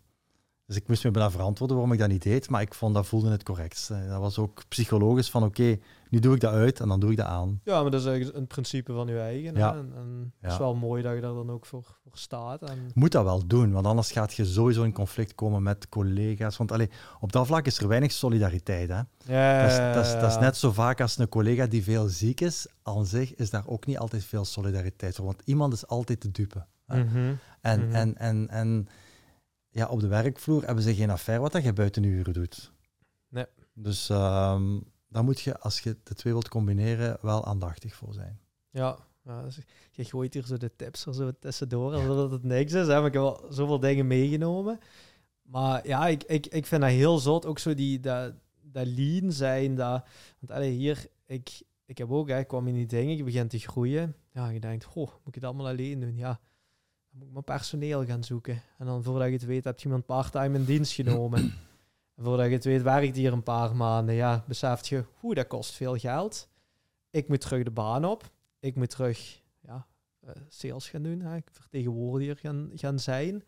Maar ja, dan hoor ik u nu zeggen van ja, eigenlijk kun je ook met een agent of eigenlijk kun je ook met... Nu, ik had ook wel een product dat in de mode, fashion zat. Het mhm. werken met agenten is daar ook heel gemakkelijk. Hè? Plus, allee, ik, ik, ik zocht ook een agent die al met producten die winkels bezocht en die nam gewoon ons mee. Meenam, ja. En, en, en, zeker een agent die, uh, die al een netwerk heeft uitgebouwd in cliënteel dat voor u interessant is, die moet soms ook gewoon maar bellen. Hè? Die kan zeggen, hé hey Jan, uh, ik heb hier iets tof, zei hey, maar dit gaat het worden. Hè? Ja. En als die Jan goede ervaring heeft met zijn agent, ja, Jan wil ook geld verdienen, hè? dan denkt hij... Jan ja, zegt, kom maar. Doe maar, hè. Ja. En dan zorg je dat je een starterspakket hebt, wat een starterspakket van 500 euro. Eerste bestelling op voorhand betalen. Mhm. Iedereen hetzelfde, 10 zwarte, 5 groene, 2 blauwe. Ik zeg nu maar iets, hè, mhm. verschillende maten. De bestsellers zitten daarin. En dat wordt geleverd als je betaald hebt en we zijn vertrokken. Hè. Ja. Dus, en dat is wat een agent graag heeft. Hè. Snel winkels open doen, markt innemen en zorgen dat er veel bijbestellingen komen. Hè. Ja, ja, ja. ja want ik, ik, ik meen ook, allez, wat, ik van de nieuws toen heb gehoord, van zo die, die eerste transactie, dat dat, dat dat wel zoiets moeilijk was. Want die ene, die ene die zegt, of de, de aankoper die zegt, ja, maar ja, ik weet niet of dat gaat verkopen, ik ah, weet niet dit, ik weet niet dat. Ja, en hoeveel moet ik afnemen? Hè, terwijl ja, jij natuurlijk zoiets hebt van, ja, moet wel een beetje afnemen, want je kunt niet met één armbandje... Nee, nee. En, en, en ook uh, op voorhand laten betalen, want anders is, is, die, is die winkel ook niet gemotiveerd om nee, het, om het te verkopen. Hè? Nee. Allee, ik weet... Allee, en, en, en... het zijn allemaal van die kleine puntjes. Hè, maar... Ja, maar wel belangrijk, want, want Allee, als je verliefd bent, ik heb het nogal gezegd, hè, en als je je eigen product wilt verkopen, zit je ook verliefd. Hè? En, en dan zit je blij dat iemand, oh ja, zet hier maar neer. Hoe vaak ook, als ik dat bij studenten hoor, we mogen dit aan de kassa van blablabla zetten. Ik zeg, hoeveel heeft die winkel er gekocht? Ja, geen. Ik zeg, je gaat er geen één verkopen. Je gaat, er daar, je gaat ze allemaal terug kunnen gaan halen. Waarom zou die moeite doen? Die denkt gewoon, ja, baat het niet, dan schaadt het niet. Hè? Ja. Uh, en eerste klant op voorhand betalen, want je weet niet wie dat in huis hebt. Hè? En dan zal die wel zorgen dat zijn bandjes verkocht geraken, want die wil zijn geld terug hebben. Hè? Ja, ja. Ja, dus ik ben niet zo... Allee, nu, ook niet elk product leent zich voor hetzelfde. Wij zaten met een commercieel product dat relatief goedkoop was in, in, in verkoop, at 12 euro per stuk. Um, we lieten de klant ook altijd voor verzending betalen, wat ook heel atypisch was. Maar we gaven mhm. wel een bandje gratis in de plaats. Wat maakt dat wij verdienden op onze verzending. Ja. Dus onze verzending was, ik zeg maar iets 4 of 5 of 7 euro voor een pakket. Um, dat was ongeveer de kostprijs voor een bandje. Wij vroegen 15 euro verzending, meer als, als dat het eigenlijk kostte. Maar we gaven een bandje in de plaats waar ze konden verkopen voor 35 euro. Dus zij hadden het gevoel van, wij verdienen hier, want we krijgen een gratis bandje en wij verdienden op onze verzending. Ja, we, hadden, we hadden marge op onze verzending. Ja, Ook weer omdat ons product dat toeliet. Hè. Maar dat is maar een kleine tweak, hè? Ja, dat, dat, maakt wel een verschil. Of als een klant, allee, of als een bandje kapot was, en dat kan altijd. Hè, bedoel, ja. iedereen ook maakt fouten, maar er kan ook altijd eens iets gebeuren. We gingen nooit in discussie met een klant. Nooit, nooit. Als wij een mail kregen van een klant, oké, die stuurde dan wel een foto mee, hè, dit, is, dit is kapot gegaan, die kreeg twee nieuwe. En, uh, of zeggen we, kijk, geef maar een mail uit de bak, we sturen nu nieuwe op. Nu, als je zag dat dat, dat doodskopje al bijna zwart verkleurd was en uh, ja, na twee jaar moet je daar ook niet meer mee afkomen. Hè? Maar in het begin, wij zijn altijd, we hebben nooit gediscussieerd. Dat, dat kost ook veel te veel tijd. En, en, en die winkelier die wil ook niet discussiëren over een product dat maar zoveel kost, want je zit goedkoopste producten in de winkel. Hè? Ja. Die wil discussiëren misschien over, over een zending die 20.000 euro heeft gekost, zeg niet maar iets. Ja, ja, maar over een armbandje van 10 euro moet je die niet te veel tijd in, beslag nemen. Hè? Nee. En, en wij ook niet. Ik heb geen tijd om vijf mails te sturen voor een bandje van 10 euro. Hè? Nee. we sturen wel een nieuw op, oké, klaar. Ja. Kost ons 4 euro. En, kost u geen energie. Die klant die denkt, wow, dat is zo'n groot merk. En die lossen daar gewoon Ja, nee, die denken gewoon, dat is, dat is, dat is een correcte partner. Je zit een partner. Als en er iets is, en die gaan tegen iedereen zeggen, dat zijn fijne mensen om mee samen te werken. Ja, ja. Nu, je moet ook, hè, want we leefden wel zo op sociale media. Als daar zo'n teneur komt van, dit is rommel en dit verkoopt niet, ja, dat wil je natuurlijk ook niet aan de hand hebben. Nee, ja. Uh, maar we hebben daar nooit misbruik in gehad. Uh, we hebben daar eigenlijk alleen maar appreciatie in gehad. als die winkelier zoiets heeft van, kijk, ik kan daar terecht, die lossen problemen op, dan, dan zijn problemen geen problemen meer. Hè? Nee, dat is ook weer een mindset. Hè? Dat is wel probleemoplossend altijd denken. En, en proberen ja, niet, niet te veel frictie. Ook concurrenten, wij waren ook niet bezig met onze concurrenten. Oké, je moet weten wie zijn uw concurrenten, maar één, de wereld is groot genoeg, er is plaats voor meer dan jij alleen. En onze agent had er wel wat meer moeite mee. Die kon zich daar helemaal... En je voelde dan ook dat, dat de mindset en, en de negativiteit zo in je werking sloop. Hè? Want mhm. je wordt veel te veel bezig met hoe dat die het doen. Maar wij hadden zoiets van, ja, laat ons gewoon op ons eigen focussen. En ook al komt er een concurrent die beter koop is als u, hè, niet altijd schrik voor hebben. Hè? Want dat wil ook zeggen dat uw winkelier minder marge heeft. Hè? En uw winkelier die wilt verkopen die wil producten verkopen waar hij het meeste op verdient. Hè. En we zagen er ook komen, hè, 25 euro. En dan dacht ik, oh, laat ze maar doen. Hè. Allee, Ik weet wat ons product kost aan productie. Ja. Ik weet hoe weinig vaste kosten wij hebben. Want allee, ik had geen loon, ik, ik moest er eigenlijk niks uit verdienen. Hè. Marge staat te goed. Maar ik dacht, dat is gewoon niet houdbaar. Dat, dat stopt vanzelf. En je zag die ook allemaal één voor één stoppen. Ja die kunnen de marge die de winkelier vraagt, kunnen die niet geven. Mm Dan stopt het verhaal. Hè? Ja, ja, Allee, dan... En een winkelier verkoopt die armbandjes niet omdat hij die mooi vindt. Oké, okay, moet passen, maar die verkoopt die omdat er genoeg marge op zit. Hè? Ja. Allee, ik dacht in het begin altijd, als wij in een winkel binnenkomen, dat is 90% naar die bandjes kijken en dan gaan we... Nee, nee, dat is 90% wat verdien ik daarop. Ja, en 10% is dat een mooi dus bandje. vragen, welke marge zit erop? Wat kunnen we aankopen? Welke aantallen? Ja, dat is, Oké, dat er... Allee, dat is hopelijk... toevallig is dat dan een armbandje. Hè? Ja. Maar, maar dat is het gesprek dat je moet aangaan. En dat heb ik ook moeten leren. Mm ik dacht van, ja... Het gaat om hoe mooi dat ze zijn. Maar dat, dat gaat snel. Ja, is goed. Oké, nu de cijfers op tafel. Ik heb zelfs verkopen gedaan wat dat een armbandje niet werd bekeken. Hm? Dat puur gewoon de cijfers bekeken werden. Ja. En op zich ook logisch, hè die hadden al lang op voorhand, dus even op Instagram of, of in de website. Maar, zo maar wij zijn zo overtuigd van ons product moet dit dan mooi gedetailleerd. En we zijn misschien soms te weinig bezig met ja, wat verwacht uw winkel van marge, wat verwacht die? En terwijl dat dat juist het gesprek is dat je moet voeren. Ja. ook met uw agent. Als die bandjes moet verkopen of die moet hier vaasjes verkopen, dan maakt die niks uit. Maar wat, wat verdien ik daarop? Ja. Ja, Dat is de motivator. Ja, dat klinkt niet zo sexy, maar dat is wel... Nee, nee, maar dat is het wel, hè. Dat is de realiteit Ja, ja, ja. En ja. klinkt allemaal super logisch, maar ook weer, als je met je eigen product, waar je hart, je ziel, heel veel emotie in zit, dan vergeet je dat soms. Ja, ja, ja klopt. Klopt. Maar en dan, je hebt Germany x aantal jaar gedaan, drie jaar denk Ja, drie, vier jaar. Want ik weet, ja, dat, was, dat was echt gegroeid. Hè. Hoeveel, hoeveel verkooppunten, hoeveel landen zat jij Zeven landen en we hadden pff, 500, 550 verkooppunten. Hè. Ja. Ja, dat was echt... Uh, dat was zot.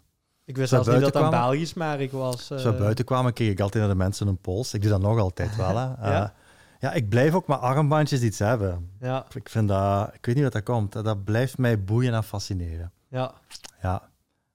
Um, ja je zag dat overal, hè. Ja, ik weet dat. Horloge en dan daar ja. langs. Ja, ja, ja. Ja, dat heeft ook wel wat gewerkt. Want onze agent die zat al wel langer in de business en die zei een armbandje aandoen aan dezelfde pols van uw horloge, had hij nog nooit gezien. Maar er waren heel veel mensen, zeker op Instagram, die een eh, Rolex of een fake Rolex hè, konden, konden, konden showen via het bandje. Ja. Dus ze posten dan hey Gemini, maar tegelijkertijd dan een horloge erlangs. Dus die mhm. combinatie van horloge met bandje is, uh, is, is vaak toegepast, ja.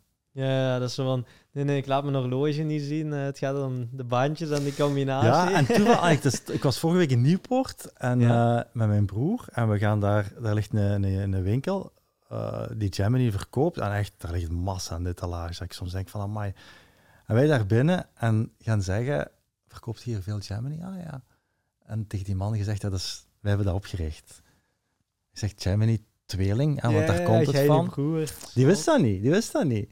En ja. die was, ja, dat was een heel leuk gesprek. Ja. En daar komt de naam van. Ja, ja, het verkoopt goed, verkoopt goed. Allee, ondertussen is dat merk groot geworden. zijn er horloges bijgekomen, ringen bijgekomen, okay. kettingen bijgekomen. Dus dat is, maar ik denk dat, dat de bestseller nog altijd die pareltjes zijn, terwijl het de markt wel wat geëvalueerd is. Ja, ja, ja, Maar die verkoopt er nog altijd heel veel. En die had echt zoiets van... Alleen. nog altijd onze bakken die wij gemaakt hadden, die daar stonden. Dus het, het, allee, het, is, het, is, het is ondertussen al wel even geleden, maar het, het is er nog en dat geeft wel een goed gevoel. een verhaal, ja. Dat is wel dat je dan samen met die broer daar in zijn winkel, uh, ja, nu nog steeds... is van ons. Ja, ja, ja. dat vind ik echt... Allee, we hebben dat opgericht en dan... Amai, Oh, dat ligt de oprichters van Gemini. Ja, ja, leuk, leuk. Ja, ja. ja veel mensen blij gemaakt. Ja, ja, mooi. Want je hebt dan op een gegeven moment ook gezegd, dan, allee, wat laatste stukje wat ik van Gemini wil belichten, van je hebt dan op een gegeven moment een overnemer gezocht, of dat kwam een ja, beetje Ja, we zaten op een punt, um, we waren iets meer dan drie jaar bezig en onze cijfers elke maand, dat was gewoon ofwel hetzelfde ofwel meer. Hè? Dus we zaten echt in een en, en, en, en, ja, als je de grafieken bekeek, dat waren gewoon... Het bijna exponentieel zo, dat ja, echt... Uh, ja. ja. Ook gewoon door veel geluk, hè, want allee, we, hebben nooit, moment, we hebben nooit vergaderingen gehad van, goh, wat moeten we eens doen om... Nee, want de bestellingen kwamen eigenlijk wel binnen. Als je 500 winkels hebt, blijft dat wel binnenkomen. Hè. Maar we hadden wel zoiets van, goh, blijven we dat doen? Uh, daar gaat een knik komen. Ja. En weten we wat we moeten doen als die knik komt? Dat is iets anders. Dat is nieuwe, we hadden alles wat nieuwe producten geprobeerd en dat sloeg toch niet zo aan als die, als die, als die parelbandjes. We hadden al wel zo'n ervaring van, ja, het is toch niet zo gemakkelijk om te diversifiëren. Um, en toen zei van, wij zijn daar niet de juiste mensen voor. Uh, we waren er heel snel uit, mijn broer en ik. Van kijk, allee, we hebben een aantal pistes. Eén, ja, we laten het lopen gelijk het loopt en, en, en het bloedt wel langzaam dood. Hè. Je zit ook niet van vandaag of morgen weg, maar op een bepaald moment gaat dat minderen. Oké, wat je dan hebt is goed. Piste 1. Uh, piste 2 is ja, oké, toch onze job opzeggen en springen. Maar dat was al heel snel niet het geval. Hè. En, en optie 3 was, ja, we zoeken iemand die, die, die Gemini vastpakt en die dan naar een volgende fase brengt. En um, dan heb ik dat op zo'n platform gezet, KBC Matchet bestond toen, dat bestaat niet meer. Dat is een platform waar je bedrijven op kunt etaleren die te koop zijn. Ah, oké. Ja. Dus waar dat een aantal kerngegevens op staan. En KBC uh, eh, zocht die dossiers, maar zocht langs de andere kant ook een, uh, een, een, database van potentiële investeerders. En mhm. zij deden de matchmaking. Ja. Dus als ik geregistreerd ben als, als investeerder of potentiële overnemer, dan je ziet die lijst en dan kun je op de knop klikken en dan moest je 250 euro dossierskosten betalen en dan kreeg je hele dossier in je mailbox om te kijken van oké, is het iets voor mij of niet? Wilt je een afspraak? KBC faciliteert weer die afspraak. KBC kwam ook mee die afspraak bijwonen. Ja, en zij hopen dan natuurlijk dat ze voor een stuk de belegging en, de, en het krediet kunnen, kunnen doen. Hè? Want één partij krijgt geld binnen en de andere partij moet betalen. Moet betalen. Ja, dus, dus zij proberen daar zo een beetje daar een rol in te spelen. Uh, we waren het eerste dossier op dat platform. Mooi. Dus dat was helemaal nieuw. En we hadden binnen de week zeven afspraken. Oh ja. Hey, ho, Wat denk jij? Oh, oh ja, en um, KBC zei toen, um, omdat je zeven kandidaten hebt, zet er geen prijs, zeg geen prijs wat je ervoor wilt, maar laat hun met een voorstel komen. Mm Ja, we hadden de eerste afspraak Oh, dat klikte zo goed. En, en Gemini was ook zo'n mooi, warm verhaal. Ja, ja, ja. En, en we hadden zoiets van, we gaan die zes even laten voor wat het is. We gaan met die verder. Allee, We hadden mhm. zoiets van, als dat zo vlot verloopt en er is een klik, um, doe maar een voorstel. Dat bleek uiteindelijk degene te zijn die dat platform gebouwd had, KBC Matchet. En die was al heel lang op zoek naar een ah, eigen bedrijf. Ja. Oké. En die in alle sectoren gezocht, gezocht. En ja, die zag Gemini en die zei, dit is gewoon instap klaar. Ik moet hier geen gebouw overnemen, personeel overnemen. Ik kan eigenlijk morgen beginnen. ja, ja. Die zei, ik zou nooit eens in de mode willen, maar ja, uh, omdat dit wel klopt, wil ik dat wel doen. Dat bij Vlerik. Hij was echt wel op ja, zoek hij was wel met IT bezig, dus ja. En uh, ja, die doet een voorstel op kerstavond, s hm. morgens dan. Ja, mooi voorstel. Dat was iets van, dat is goed. Tegen mijn broer ook. Allee, heb je nog zin om die zes afspraken ook te doen? Om dan, allee, als we het zo mooi kunnen eindigen, als dat we heel dat parcours hebben afgerond, we zeiden dat is ons ook iets waard. Hè? En, het, en het, het bedrag is, is meer dan correct. We zeiden, gaan we het niet gewoon... Ja, oké. Dan zo'n due diligence gedaan, uh, cijfers naar gekeken. Op een week zijn die, hebben die overgenomen en, en, en, en waren die vertrokken. Och, mooi. Ja, op drie weken was heel dat proces afgelopen. Oh ja, want je hoort zo verhalen, ze over de ames aan lijken die uit de... Allee, maar ja, maar dat was, was niet, niet het, het was gewoon lean, mean, duidelijk. Goede partijen. Allee, wij sturen nu nog berichten naar elkaar, niet veel. Maar als er iets te doen is van Gemini, nodigt mij nog uit. Ik ben, uh, ja. ben mijn boeken daar gaan brengen. Ik heb daar uh, eens verteld hoe dat wij het hebben opgestart aan die mensen we kunnen elkaar nog altijd perfect. Dat is die draaideur in uw leven, hè? Ja. komt elkaar toch tegen. Daarom, ja. En heel veel respect voor uh, die het heeft overgenomen, want ja, die heeft corona meegemaakt.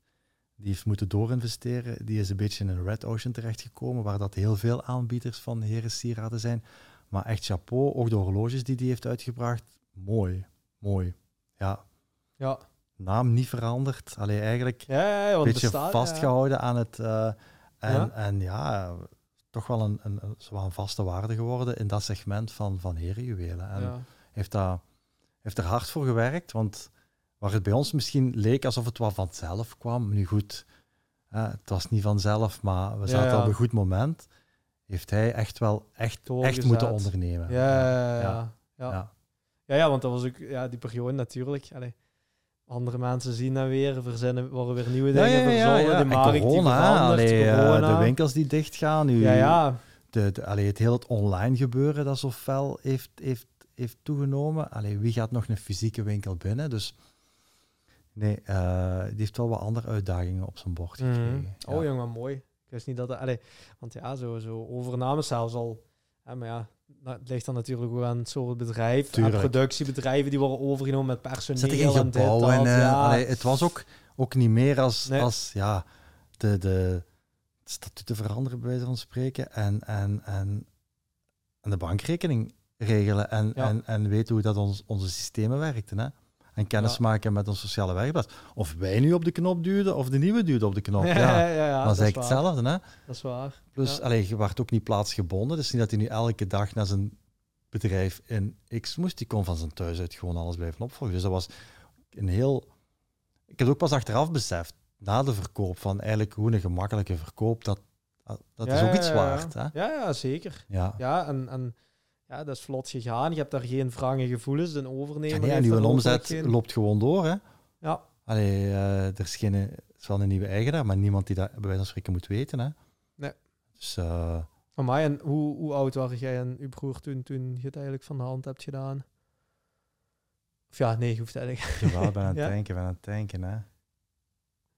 Dat moet rond uh, eh, 35 zeker wel geweest zijn, zoiets. Ja. Ja, ja normaal. 36, 35. Het is een zotte leeftijd om, om ja, een, een, een verkoop te doen van, van uw zaak. Hè. Dus, uh...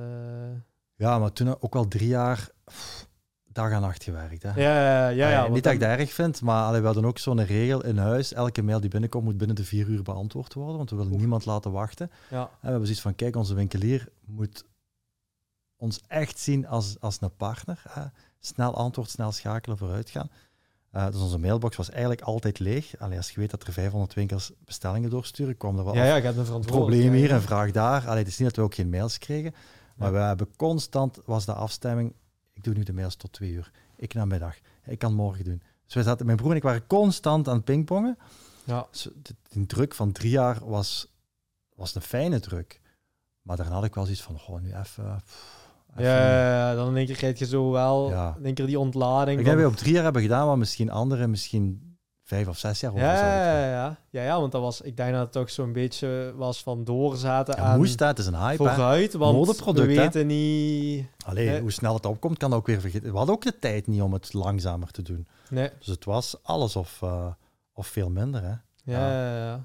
ja ja, heel knap verhalen mij. Die, ook met die broer het samen doen. Ik vind dat nog steeds eigenlijk... Ja, uh, we hebben één keer ruzie gehad. Uh, heel in het begin. Hij vond die bandjes mooi en ik vond die afschuwelijk. En ja.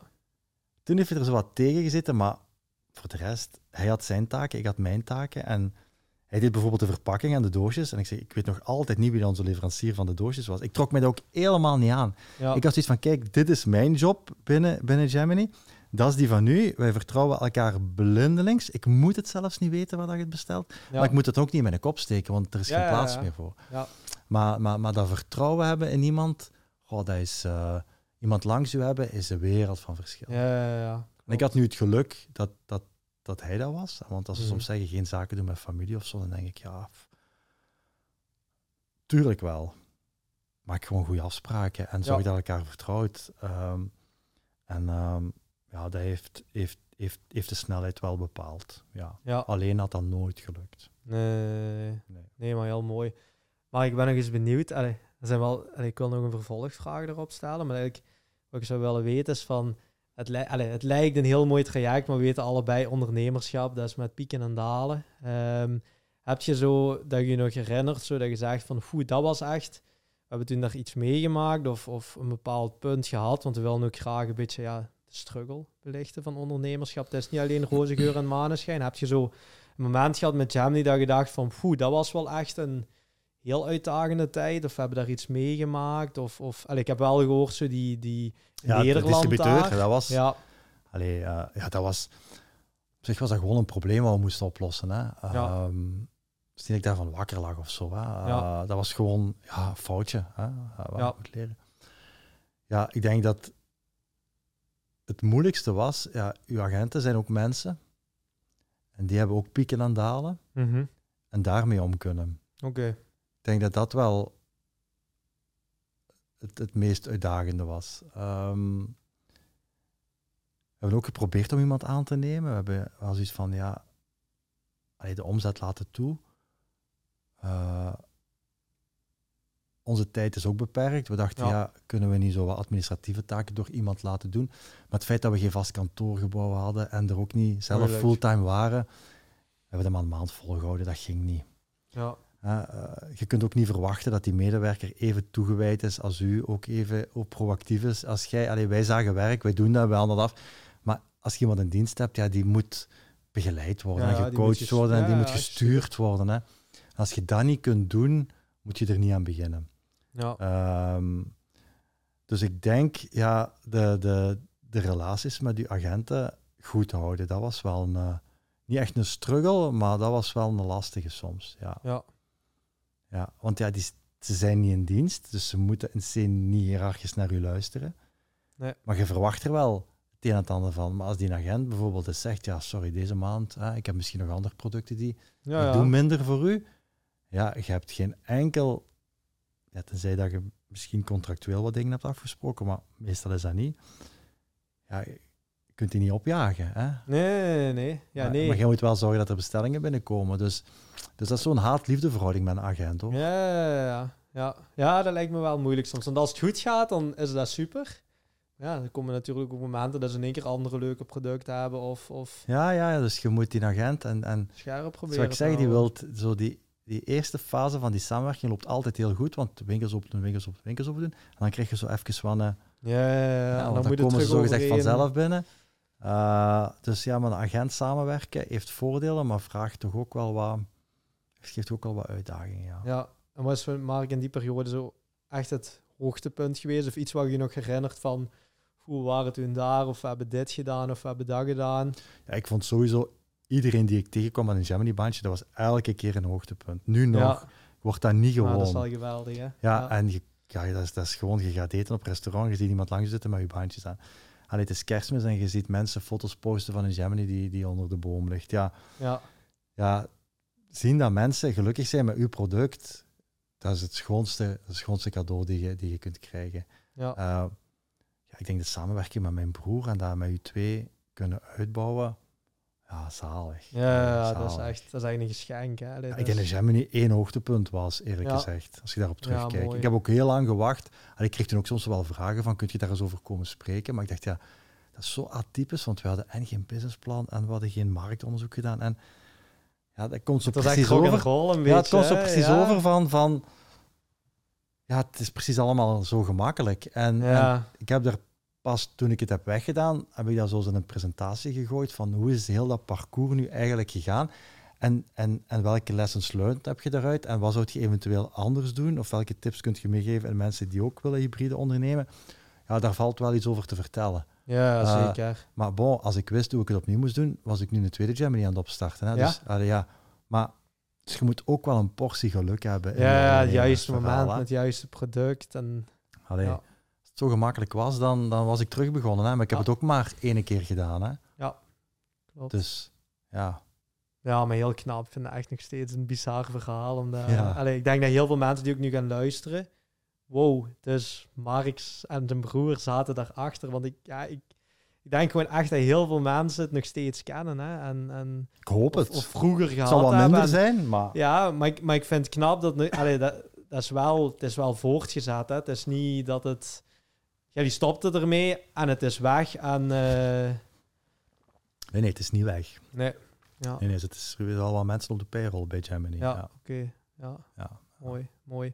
Maar ik heb Gemini dan afgerond. Je zit toen ook ergens bij LRM terechtgekomen daarna? Of, uh... Gelijktijdig. Ik denk dat ik nog een jaartje of zoiets Gemini had. En dan uh, mijn eerste jaar LRM, dat hij is weggegaan. Ja. ja, en je zit nu nog steeds nog? eigenlijk bij LRM. Kun je zo, eigenlijk kort, want ik heb een beetje in de intro gezegd, maar wat doet je precies? De LRM is een investeringsmaatschappij. LRM staat voor Limburgse Reconversiemaatschappij. Is opgestart na het sluiten van de mijnen, mm volgend jaar 30 jaar geleden. Dus je moet u even terugdenken, 30 jaar terug, alle mijnen, uh, wat voor een stuk de grootste industrie was in onze provincie. Ja. Ja, die zijn er niet meer. Dat heeft gigantische economische gevolgen. Dat is eigenlijk het, het Fort-debacle maal, ja, durf er geen cijfer op plakken, wat de impact was. Dus er moest iets gebeuren in die regio om ervoor te zorgen dat we niet helemaal uh, verdwijnen. Mm ja, dan is er geld van de overheid naar Limburg gekomen om zo'n soort Limburgplan. Uh, bij, bij Ford is dat toen het Salk Turboplan geweest, hè, maar toen zijn er ook initiatieven gekomen. En ehm, ja, er was geld over. Uh, eh, 250 miljoen euro was over. En dat budget hebben ze dan, om het heel eenvoudig uit te leggen, op een rekening gezet. En dan is LRM opgericht. En LRM heeft eigenlijk de taak gekregen om die 250 miljoen euro te beheren maar om die als kapitaal of lening aan te bieden aan bedrijven die daar nood aan hebben.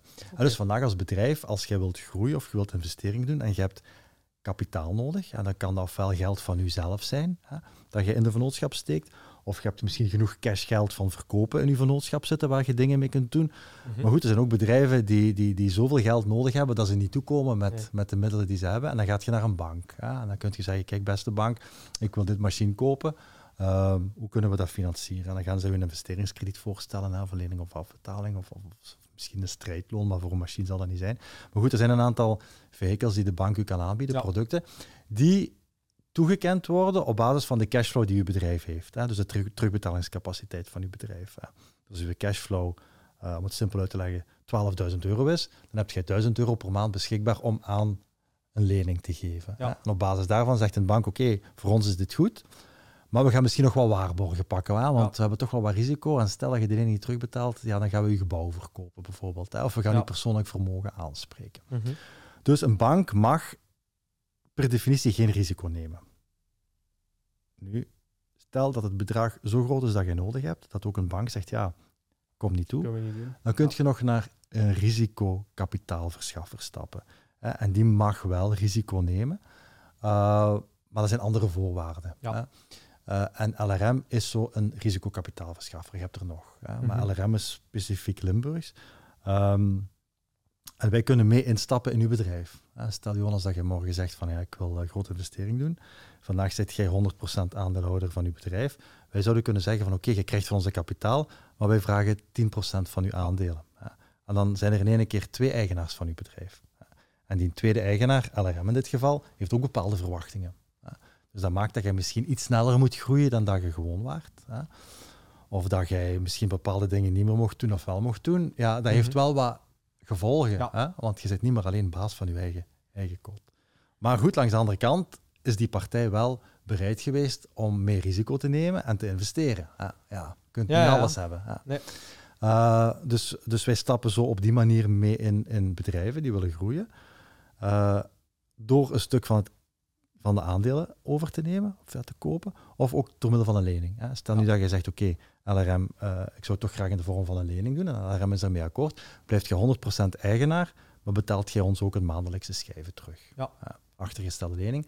Qua waarborgstructuur komen wij daar iets later dan alle andere schuldeisers. Hè. Dus mhm. daar ook nemen wij weer wat meer risico. Ja. Uh, dus zo investeren wij in, uh, in Limburgse bedrijven, gaande van starters, start-ups, scale-ups tot KMO's, familiebedrijven, grote bedrijven. Mhm. dus eigenlijk elke type van onderneming die past binnen onze sector. Toerisme is bijvoorbeeld een sector waar we niet in investeren. B2C ook meestal niet. Retail ook meestal niet. Hè. Maar wel in uh, productiebedrijven, uh, duurzaamheid, ICT-bedrijven, biotech en zo verder. Um, dus ja, die bedrijven worden opgevolgd door onze investment managers. Wij zoeken nieuwe bedrijven. Dat is één stuk. En een ander stuk is onze vastgoedpoot. Hè, want die mijnterreinen waar ik over sprak, die gesloten zijn, die moesten ook een nieuwe invulling krijgen. En zo'n aantal van die sites zijn in portefeuille gekomen van LRM. En LRM heeft dan gekeken van oké, wat gaan we hiermee doen? En dan is er altijd een keuze gemaakt tussen we gaan hier ofwel een, een iets business gerelateerd zetten. En dat zijn onze incubatoren geworden. Mm Dat zijn eigenlijk gebouwen, mooie hippe kantoorgebouwen. Zijn er al veel, hè, Zeven. Ja, mooi. Ja. ja, dat zijn eigenlijk uh, zeven ecosystemen, fysieke gebouwen waar je als start-up kantoorruimte kunt huren. Ja. En naast het huren van die kantoorruimte krijg je ook begeleiding. En zo. Uh, sommige sites is ervoor gekozen om, om puur iets toeristisch neer te zetten, gelijk de Rils. Hè? Dat is een vakantiepark geworden. Mm -hmm. En sommige retail. B-Mine in Beringen, hè, waar je ook winkels hebt, dat is meer een retail. Ja. Uh, dus dat zijn allemaal... Dus eigenlijk, LRM is voor een Limburger overal aanwezig, maar ik denk dat de meesten niet altijd weten dat LRM daarachter zit. Hè. Het nee. zijn allemaal aparte merknamen. Corda Campus is zo'n incubator en ook een technologiecampus die uh, van LRM is, waar dat ook weer vastgoed neergezet is. Uh, ook weer met de bedoeling om daar een bepaald moment rendement te halen en misschien ooit die site wel eens te verkopen. Dan komt er weer wat geld binnen op de rekening van LRM en dat kan dan weer geïnvesteerd worden in die bedrijven die een lening nodig hebben of kapitaal. Hè. Dus dat is altijd dezelfde. Ja, ja, ja. We doen, alles wat dat we doen, doen we om rendement te halen, om weer geld te kunnen bijeen uh, ja, te verzamelen om weer te investeren. Om weer te investeren. Ja. ja. Dus het is niet onze, ons doel om vakantieparken te openen. Nee, wij denken door op die site een vakantiepark te investeren, wat een privémaatschappij dat risico vandaag misschien niet wilt nemen. Zeggen oké, wij zullen dat doen, maar het is met de bedoeling om ooit daar uh, te valoriseren. Ja. ja. En ik, ik ben actief in dat vastgoedluik, meer bepaald in die zeven incubatoren. Ja. Um, ja, wij maken daar programma's voor. Wij zorgen dat die incubatiewerking eigenlijk uh, handen en voeten krijgt. Ja, dus je zit ook meer, allez, want ik zie je regelmatig, je gaat daar eens een keer langs, je, je, je spreekt een koffie, ja. Ja, ja, ja, ja, ja. ja. ja. dat gaat over individuele begeleiding, ja. waarbij dat we op basis van een assessment kijken van oké, waar staat je vandaag als start-up, waar wilt je naartoe, wat moet daarvoor gebeuren? En dan kijken we of wij daar een bepaalde rol in kunnen spelen, of dat wij misschien bedrijven of zo kennen die hun daar kunnen helpen. Hè. Allee, zij moeten ondernemen, zij moeten het nog altijd doen. Maar wij kunnen misschien met de expertise en het netwerk dat wij hebben, dat proces bij hun iets sneller laten gaan. Mhm. Of er misschien voor zorgen dat ze iets minder geld verbranden door fouten te maken dan, dan dat ze het alleen zouden doen. Eigenlijk moet, moet het voordeel van een incubator te zitten te zijn dat je sneller vooruit gaat dan dat je thuis aan de keukentafel zou blijven zitten. Ja, dan vinden we dat wij goed werk geleverd hebben. En op het moment dat die, dat die, dat die startende bedrijven groot genoeg worden, dat die zeggen, oké, ik ga ik ga zelf een kantoorgebouw huren of ik ga naar een ik ga mensen aannemen. Dan, uh, maar goed, niet iedereen vraagt die begeleiding. Hè. Uh, dat, is ook, dat is ook niet nodig. Hè. Er zitten 300 bedrijven in. Uh, gelukkig vragen ze niet allemaal dezelfde aandacht en begeleiding. Maar ze hebben er wel, kunnen er wel gebruik van maken. Ja. En je zit niet alleen. Hè. Allee, je hebt direct allee, collega's, je, je komt in de keuken, je komt iemand tegen. En, en, en dat alleen al is voor heel veel mensen een voordeel. En ook het zoeken van personeel, wat vandaag ook moeilijk is als je gevestigd bent op een hippe incubator of een campus, kan ook misschien weer in je voordeel spelen om de sollicitant voor u te laten kiezen dan dat je ergens misschien in een gebouw zit dat, dat, dat weinig aanspreekt. Ja, dus dat is ook wel een reden waarom de mensen daar zitten. Dus ja, daar ben ik uh, zo onder andere mee bezig in mijn job. En we hebben dat in een communitywerking gegoten en dat heet dan Limburg Startup. Hè. Ja. Beetje ook loketfunctie voor startups, hè. bedrijven die met een bepaalde technologie bezig zijn. Mm -hmm om die verder te helpen of wegwijs te, te maken. Ja, heel knap, want allee, ik, is het nog steeds wel, hè, denk ik, met ondernemers. Hè. Je het komt altijd samen.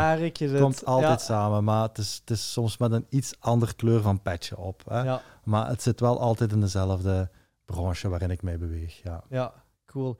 En ik weet, je hebt dan ook nog een, een soort kleine, klein zijpad genomen en een soort influencer-platform. Ja. ja. ik zat met die start-ups te werken en ik dacht, goh, uh, ik heb nu een klassiek businessmodel geprobeerd. Een baantje maken, kopen, verkopen, zit wat marge op en gegroeid. Ja. Eenvoudig. Ja.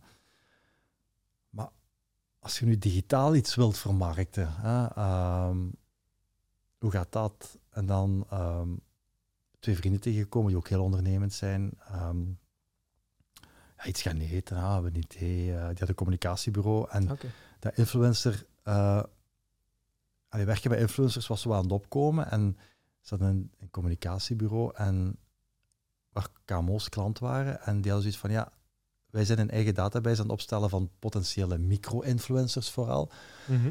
ja, zouden we die niet kunnen openbaar maken, dat iedereen daar gebruik van kan maken? En een beetje Instagram met filters, hè, mhm. waar je dan contact kunt nemen met die influencer. En zo komen misschien ook meer opdrachten uit. Voor hun is het dan weer interessant. Uh, ze wouden een beetje de rollen omdraaien. Wij dachten van, kijk, we gaan de influencer laten betalen om op dat platform te staan, om daar een smoel op te hebben. De bedrijven kunnen gratis gebruik maken van die database en mhm. zo ontstaan er misschien meer opdrachten. Ja. Dat was het idee. um, en dat heette Social Snowballs. Hè. We dachten, Snowball wordt groter, groter, groter. Dus uh, maak het gewoon toegankelijk en laagdrempelig voor de KMO en de opdrachten volgen vanzelf. We hadden een pre-launch campagne gedaan om adressen te verzamelen. En dan hebben we 7000 adressen hadden op korte tijd. Dus we hadden zoiets van, goh, als we daar ja, zoveel procent van kunnen converteren. En, en een accountje was 50 euro per jaar. Oh. Dus we hadden ook zoiets van, ja, iedereen wil influencer zijn. Dus die willen we er ook op hebben. Dat lukte niet. Nee? We zijn geëindigd op 250 profielen. Mm -hmm. Smal 50, ja, dan weet je hoeveel dat is. Hè. Omzet is niks. Hè. Allee, als je weet wat een advertentiecampagne op Instagram al kost. Dus we moesten eigenlijk heel veel investeren om dat vliegwiel te laten draaien. En kregen toch ook wel wat kritiek van influencers die zoiets hadden van moeten wij betalen. Allee, ja, die waren daar niet mee opgezet. Ook al was dat maar 50 euro. Ja, ja. ja. Dus um, ja, wij voelden van dit is een beetje trekken aan een dood paard. Um, ook eventjes gedaan om die influencers. Allee, het was toffe materie om mee bezig te zijn maar een hele moeilijke doelgroep ja, om iets aan te vragen. Ehm, en dan hebben we eigenlijk na een jaar iemand gevonden die daar gewoon, die ook al een influencerplatform had en die gewoon eigenlijk het heeft overgenomen zonder verlies. Uh, maar wel echt, echt geleerd hoe moeilijk het is om een platform te laten schalen. Ja. Dat is de grootste les die ik daar heb uitgeleerd. En ik zie nu, zeker in die start-up wereld, uh, dat mensen iedereen denken, een platform. een platform. Ja, ja, ja. En iedereen weet ook hoe dat platform er moet uitzien. Maar dan zeg ik van oké, het platform staat live, what's next? Hè? Mm. Ja. Want dat gaat niet vooruit. Hè? Je moet veel doen om één lead te converteren. Hè? Ja, en dan ook weer bij je te houden. En, en... Heb je heel veel geld voor nodig. Hè? Je moet heel veel cash burnen. Een jaar abonnementje of een maand. Maar ja, na een maand, ja, dan kunnen ze ook de volgende maand eruit stappen. Ja, maar en ook, allee, bij platform heb je altijd twee partijen. En dat maakt het moeilijk. Hè? Bij ons platform moesten wij één de KMO's bereiken. Die naar dat platform gingen. Want ja, anders is twee vlakken marketing altijd... ook weer doen. Ja, ja. ja, ja. En, en dus je hebt dubbel budget nodig. Hè? Oh. En, en onze KMO's moesten niet betalen. Dus ja, elke, elke euro die we staken om die KMO's naar dat platform te trekken, was, was een pure kost. Konden wij nergens goed maken. Nee. Maar we moesten ook die influencer bereiken en ook, ook weer een aparte campagne op loslaten. Ja, dus ja. En, en er zijn heel veel mensen die ons schatten. En ik weet dat heel veel platformen een waarde hebben en nuttig zouden kunnen zijn en het leven misschien gemakkelijker kunnen maken. Maar ze succesvol kunnen commercialiseren en vermarkten en internationaal laten schalen.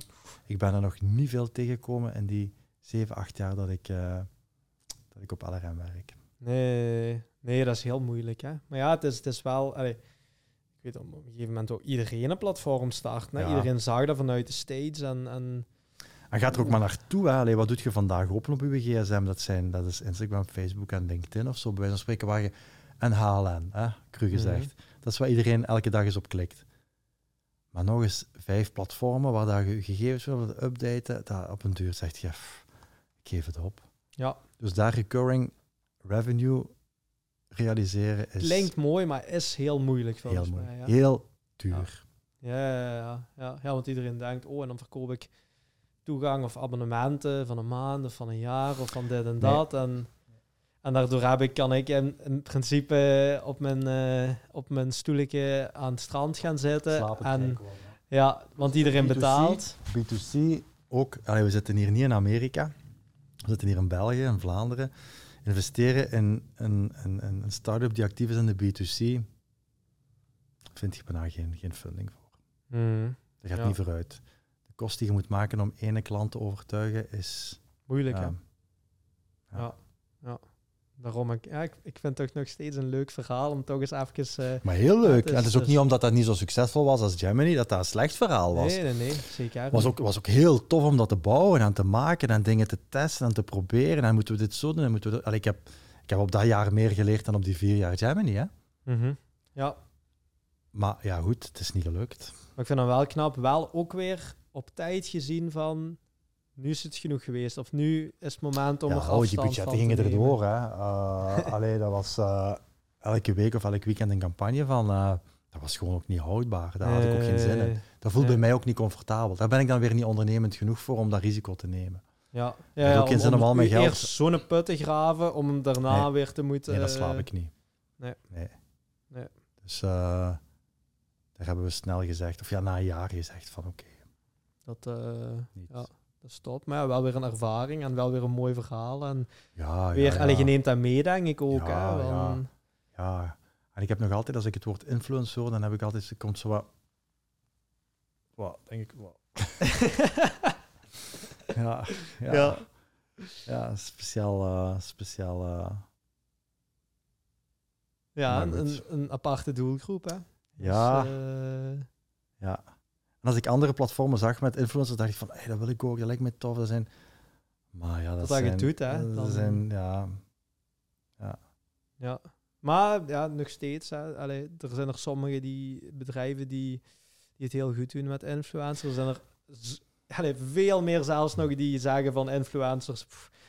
verschrikkelijk. Slechtste ervaringen mee. Uh... Ja, maar ik denk, maar dat is, ik denk dat die markt ook heel snel wat geprofessionaliseerd is. Allee, Ik denk toen in een tijd waren er heel veel wannabe-influencers. En, maar nu, natuurlijk, een influencer heeft vandaag, allee, de goeie, die hebben veel impact en macht. En ik ben absoluut, allee, als dat vandaag zo werkt, moet je dat ook doen. Mhm. Eh, maar ik denk dat wordt er snel van uitgegaan van we hebben een influencer dat die ook voor verkoop zorgt. Zijn er toch maar enkele die dat kunnen. Ja, van oh, we geven die eens een, een, een Dat is ook een job op zich. Ja. Dat is, er zijn er heel veel die op dat moment gewoon dachten elke dag een foto en ik ben door. Nee, nee, dat is, uh, ja, dat is denk niet... heel vermoeiend, heel stresserend en uh, altijd nieuwe content zoeken, die filmpjes maken, dat moet goed zijn, likes opvolgen. Ik denk dat dat voor uw mentaal welzijn een heel ongezonde job is. Mm. Ja, de mensen allee, blijven boeien ook, hè, want allee, ja. Mensen zitten er echt niet. Je hebt allee, ook mensen die, die, Het is een job. En als je beseft dat dat een job is, dan zult je dat ook goed doen. Ja. Maar er waren, of er zijn gewoon te veel mensen die denken, wat kan ik gratis producten krijgen, ik moet maar een foto posten. ik heb niet moeten betalen. Maar dat is gelukkig wel, wel wat eruit. Stel ik eens aan eruit. Ja, hè? Ja. Ja, want niemand zit te wachten op die influencers die de hele tijd zo met kortingscode nee, en product hier en product daar. Mensen zijn op zoek naar iemand authentiek die ook eens wat anders te vertellen heeft. En oké, misschien En die verhalen hebben, hè. Die, die, allee, het pakket moet gewoon vol kloppen, hè. Allee, ja, ja allee, ik heb nu gezien, je hebt zo van... Uh, zo wat AI-influencers. Ik weet niet of je dat mhm. gelezen hebt. Hè. Dus dat is, dat is ook iemand... Het zal wel ergens... Het is ergens China of... Uh, dus een, een personage gecreëerd met AI, maar die ziet eruit gelijk jij en ik. En, en ja, dat is geen echte persoon. Hè. Maar die is wel influencer. En blijkbaar zijn bedrijven daar heel geïnteresseerd in, omdat die, die maakt nooit fouten. Die komt nooit terecht in een schandaal. Die wordt niet ouder. dus als die een fanbase opbouwt, is de, ja, het risico er zijn verschillende risico's. Ja, wat, ja, wat ja. ja, want hij maar in één keer een slaag daglicht komt, doordat hij zoveel weken na uw campagne in één keer iets helemaal... Uh... Ja, en. Uh, zelfs daar neemt de technologie bepaalde businessen over. Hè? Mm, ja. ja. Ja, ja, het is, ja, die ziet er gewoon echt uit. Hè? Want het gaat helemaal niet door dat een computergevormd figuur was. Hè? Dat is gewoon een menselijk niet gehoord. Uh, ja. ja. Dus, uh, zelfs die job staat straks onder. onder ah ja, die, allemaal die influencers die luisteren. Oh shit. nee, nee, ik ben absoluut niet tegen influencers. Maar net zoals elke job, als je een job wilt doen, doe het zo goed mogelijk. En dan, dan is het goed bezig. Maar, maar doe het niet het gemak zegt of... Uh, nee, nee. Dus uh, alles wat je moet doen, moet je zo goed mogelijk proberen te doen. En dan zit je goed bezig. Ja, ja dat, is, uh, dat is top. Maar ik en dan eigenlijk een beetje het, het laatste luik wat ik nog kort wil belichten. Je hebt, um, of je zijt gastdocent -hmm. voor de Universiteit Hasselt. En daarlangs heb je dan ook nog met uw collega, denk ik. Pieter? Pieter van de Kerkhof. Een boek geschreven. Hoe, ben ik nog eens benieuwd, hoe is dat ontstaan? En oh jong, een, een boek? Allee, dat is toch... Dat staat bij veel mensen op de bucketlist. Hè? Ja, ik wil een boek schrijven. Hè? Uh, nu, een boek schrijven moet ligt je... hier eigenlijk? Ja, ik zie hem. Ah, ja, je ligt er zelfs. Ja, ja. ja. Um, ja, ik denk dat het nu ongeveer vier of vijf jaar is dat ik... Um, ik verving een professor die op ziekenverlof was en ze konden een mhm. aantal pakketten verdelen onder mensen uit het werkveld. Ja. Ja. Gastcolleges geven. Dus de vraag kwam um, tot bij ons van, kijk maar, ziet je daar zitten om... toen die vraag in de zomer kwam, dacht ik, nee, ik voel me eigenlijk helemaal niet klaar voor om voor de klas te gaan staan. En ik heb ook nog nooit gedaan, dus de boot een beetje afgehouden. Nu, uh, Pieter is ook ken ik al lang van vroeger. Uh, dus die stelde de vraag opnieuw in januari. Kijk, we beginnen terug met een semester. Ziet je het nu zitten? Goed, de vraag op LRM neergelegd van ja, kijk, allee, dit vraagt wel wat engagement. Uh, hoe gaan we daarmee om? En ja, ik kreeg heel snel groen licht, ook omdat het zo wat past binnen het Limburg Startup verhaal. Ja, ook nieuwe generatie warm maken met ondernemen, kennis laten, laten maken met incubatoren, heel die werking. Ook, hè? Ja, dus het paste ook wel in mijn job en daardoor was het ook verantwoord om, om, om het te doen.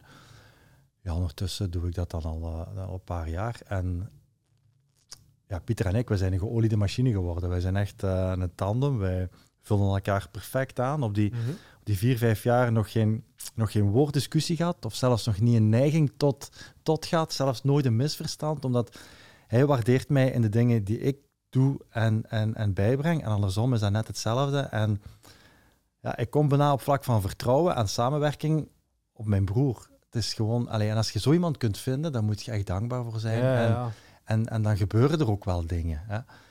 Um, en zo'n ding wat gebeurt is, dan ook dat boek schrijven. Het was corona. En de uitgever had ons gecontacteerd op basis van, ik denk een artikel of een LinkedIn-post die we ooit gedaan hadden. Die vroeg van, kijk, allee, jullie zijn zo met ondernemen bezig. Zit daar iets in om een boek over te schrijven? En ook dan, hè, hetzelfde als verliefd zijn. Oh, ze vragen die om een boek te schrijven. Hè. Ja. Allee, dat is boek schrijven, soft skills. ja, ik google soft skills. Want ja, je hoort die titel wel, maar kun je daar een definitie op plakken van wat is dat juist? Dus daar helemaal in verdiept. Ehm, en ik dacht, ja, dat is helemaal ik. Hè. Ik, ik, ik belichaam bij zo'n spreken soft skills. ja. Uh, dat is ook zo de feedback die ik van mensen kreeg bij de boeklancering. Ja, ja, Mark, dat, dat is soft skills. ja. ja. Maar ik had er nooit bij stilgestaan dat het eigenlijk een vaardigheid was die ook, ja, die ook aangeleerd kon worden. Of die mhm. bij mij is dat voor heel veel stuk gewoon mijn natuur. Ik heb het geluk dat ik zo geboren ben. Hè? Maar voor veel mensen is dat niet het geval. Hè? dan hebben we gekeken van oké, welke, welke people skills, want zo noem ik het eigenlijk liever, maar de uitgever wou soft skills, want soft, zacht, geeft dat direct zo'n connotatie van het is niet belangrijk. Ja. Um, dus dat is ik jammer. Dus zijn ik meer menselijke skills. Hoe gaan we met elkaar om? Uh, en, en hoe dat we met elkaar omgaan is soms ook belangrijker dan wat dat we verkopen. Als, als, als we niet op een goede manier met elkaar omgaan, zal ik ook niks van u kopen, ook al is dat een goed product. Dus ja, je kunt niet zonder het een en het ander wat onderzoek gedaan en gekeken van oké, die soft skills, als we die wel willen, willen aanleren, hoeveel tijd wordt er vandaag in programma's gestoken bij soft skills? Hè? Dus ik zit in dat start-up ecosysteem, dus ik keek welke programma's zijn er, begeleidingstrajecten. Ja, als er acht sessies zijn, hoeveel aandacht krijgt soft skills? En dat was altijd zo weinig. Mhm.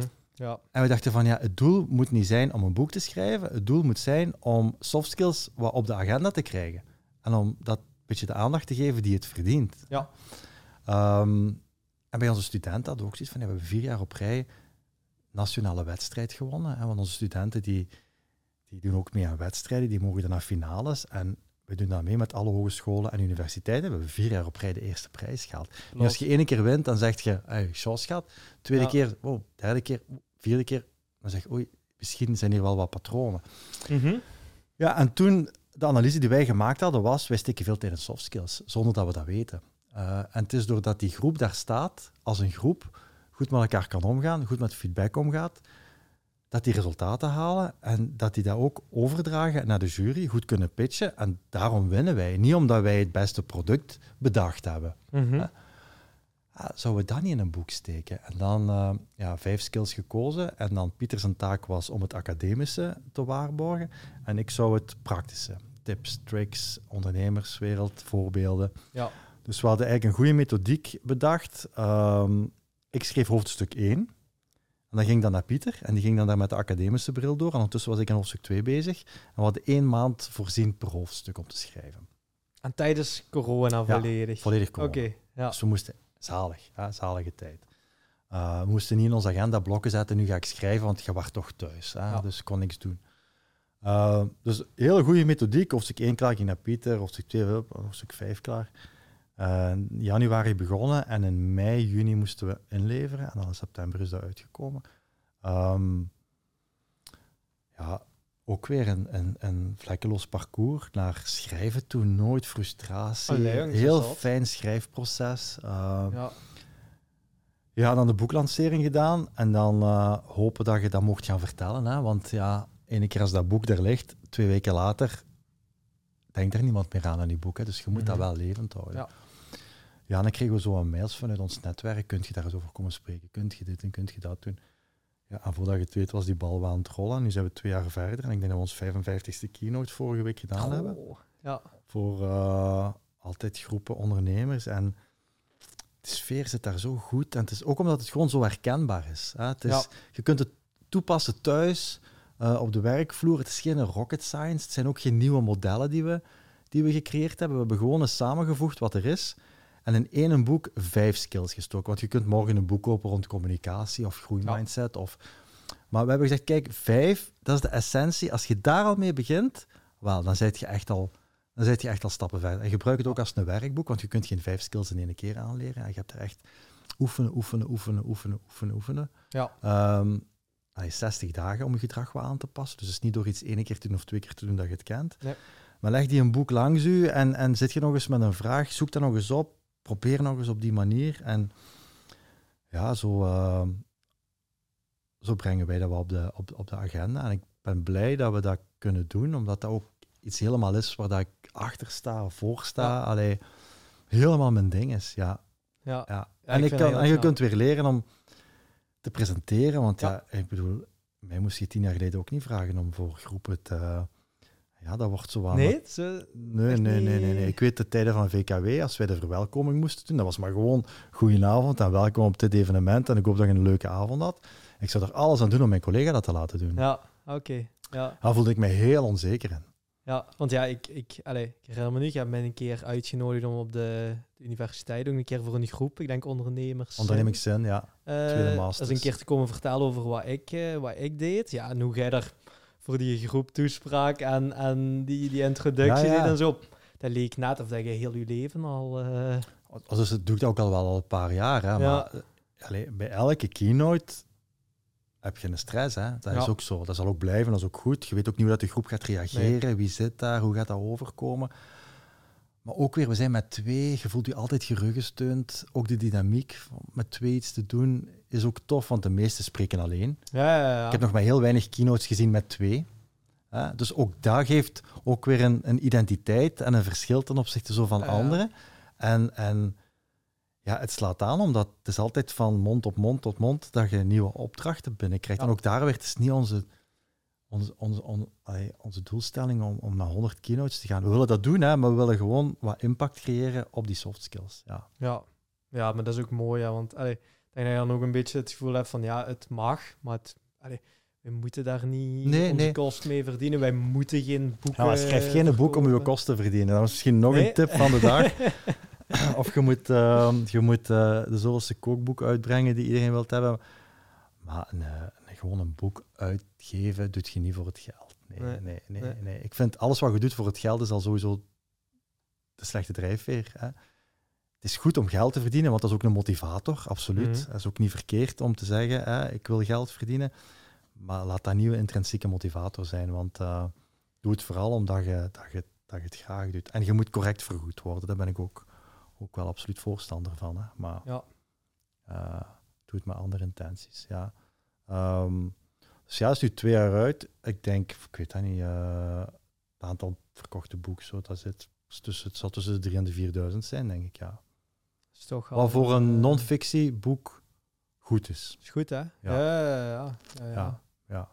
Uh, allee, ja, ik allee, vind het ook leuk. Ik heb hem ook zelf gelezen, want het is ook een heel vlot boek. Hè. Het is ja, ja, ja, ja. Er staat, zoals je zegt, geen rocket science, geen uh, allee, allemaal moeilijke afkortingen voor financiële dingen en zo. Nee, het is heel... Nee, het is heel toegankelijk. Ja, ja. ja.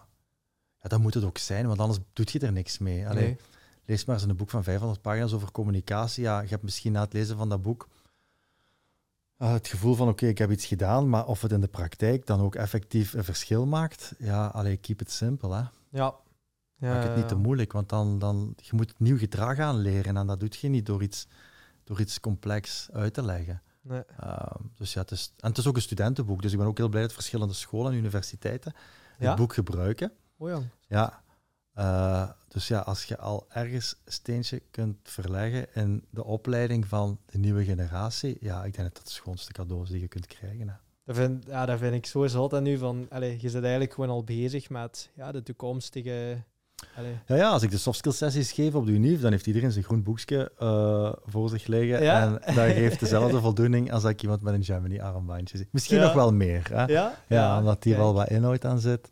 Ja. Uh, alleen, ze noemen het ook zo het groene boekje van de ondernemer. Hè, in plaats van dat is eigenlijk dat woordenboekje, zo het groene boekje. Ja, dat is de, de, de, de, de, de, papa van Pieter. Uh, heeft dat op Twitter gezet. Uh, en, en deze week terug onder een post op LinkedIn. Het is het, het groene boekje voor de ondernemer. En ja, eigenlijk is dat wel zo. Je kunt niet zonder. Allee, ik zeg niet dat je dat boek moet hebben, maar je kunt niet zonder soft skills. Nee, dat is het, hè. Ja. Ja. ja dus het is echt een, een must-have. Ja, en ik, ik, ik las het en het is... Het is allee, voor mij, ik heb dan misschien ook een beetje het geluk dat ik, zoals u, een beetje dat dat in, in mijn natuur ligt. Ja, je voelt dat ook heel snel bij mensen. Hè? Ja, maar je, je, leest dat wel en dan denk je van, tje, ja, ja, inderdaad. Oh ja, dat is eigenlijk wel... Ja, en het is ook, allee, ik vind ook voor, allee, het is niet alleen voor ondernemers geschreven, maar ook voor medewerkers, want allee, die hebben ook een bepaalde verantwoordelijkheid. En geloof mij vrij, allee, als je wordt aangenomen in een bedrijf, dan gaan je hard skills misschien wel vaak de doorslag geven. Ja.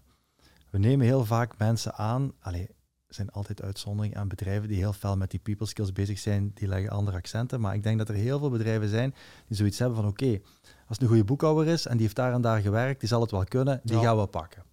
Zo wordt vaak geredeneerd. Hè. Mhm. Waar heeft hij al gewerkt? Hoe lang is hij bezig? welke taal kan die, kan die developen? Ja, die zal het wel kunnen. En wanneer nemen we afscheid van iemand?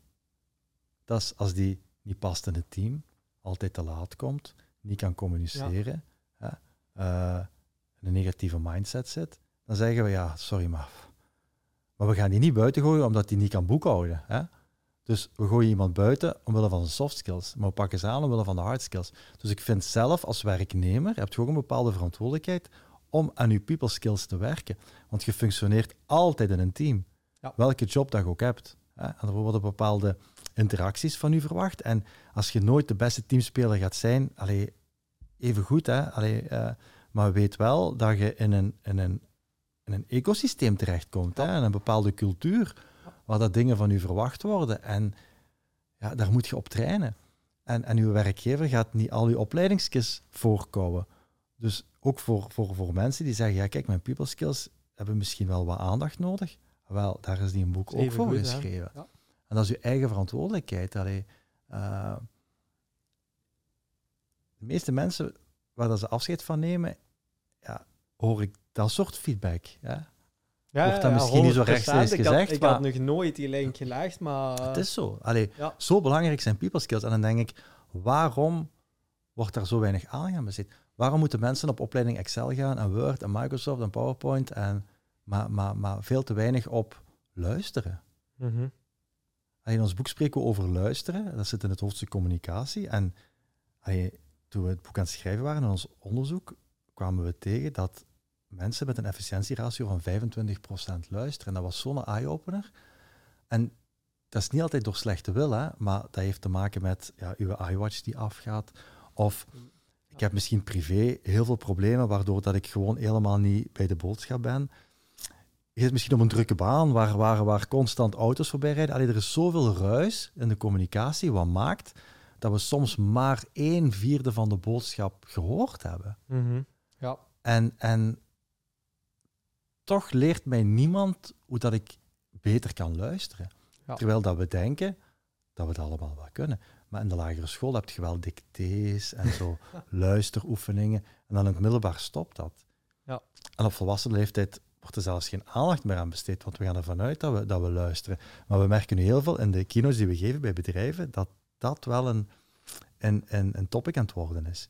En we geven een voorbeeld van in Amerika, is een, is een ondernemer, Chapman, en die heeft 12.000 mensen en die heeft echt luisterklassen geïmplementeerd. Heel, een heel zijn bedrijf, van, van, van laagste echelon tot het hoger management. En die moeten elk jaar door zo'n traject gaan, omdat hij zo zegt van als mijn mensen niet meer luisteren, ja, dan, dan, dan volgt de rest wel of helemaal niet. Ja. En wij denken vaak, we hebben iets tegen iemand gezegd en die doet niet wat hij moet doen. Die heeft misschien gewoon een slechte dag, die durft dat misschien niet te zeggen, hè, want die zit misschien in een omgeving waar dat, dat niet goed opgenomen wordt. Dus mhm. die doet wel zijn best, maar heeft gewoon op dat moment niet de capaciteit om. En, en dan wordt hij daarop afgestraft. En voordat je het weet, zit je in een slechte werkrelatiesfeer. En wat misschien zo opgelost kunnen worden door juist de people skills te gebruiken. Dus het is, het is, het is echt is, wel belangrijk. Het is echt zoiets waar je niet per se heel bewust van bent, zo day-to-day, maar een keer echt gaan zitten en een keer luisteren naar iemand en een keer een gesprek, iets, iets over iets moeilijks. Slecht communiceren is één van de belangrijkste redenen voor een slechte werksfeer. Ja. Dat is communiceren en luisteren. Dus als dat niet goed zit in de werksfeer, zou het wel eens kunnen zijn dat je een hoog personeelsverloop hebt. Ja. Dus dat is, dat is het zo, die gevolgen zijn zo groot dat, dat het echt meer aandacht verdient. En dat was echt de motivatie om daar iets mee te doen. Ja, heel mooi, heel knap. Uh, ook heel de gedachtegang erachter en hoe dat het ontstaan is. En, ja, ja. Uh, heel cool, heel cool. Ik denk, ik denk dat er heel veel mensen zijn, zoals gezegd, van oh, die dromen van een boek. Ja. Maar, allee, en, doen hè, doen hè, maar wil ik wel even terug met de voetjes op de grond komen. De standaard boekhandel ligt bomvol boeken. Uh, het streelt uw ego, ja. ja. ja. dat is zo. Je hebt een boek waar uw naam op staat. Hè. Uh, maar als je er daarna niks mee doet, ja, dan is het het zoveelste boek op de hoop. Hè. Ja. Ik zeg het, Pieter en ik, we zijn geen boekenverkopers. We zijn ook geen auteurs. Hè. Maar dat is een middel voor ons om dat hoger doel te bereiken, dat boek. Dat is een andere insteek dan ja, van een boek schrijven. Ja, ja. Ja. heel leuk. Maar ik ben nog benieuwd hoe. Je, hebt, je hebt eigenlijk al van alles gedaan. Heel zot gejaagd. Hè?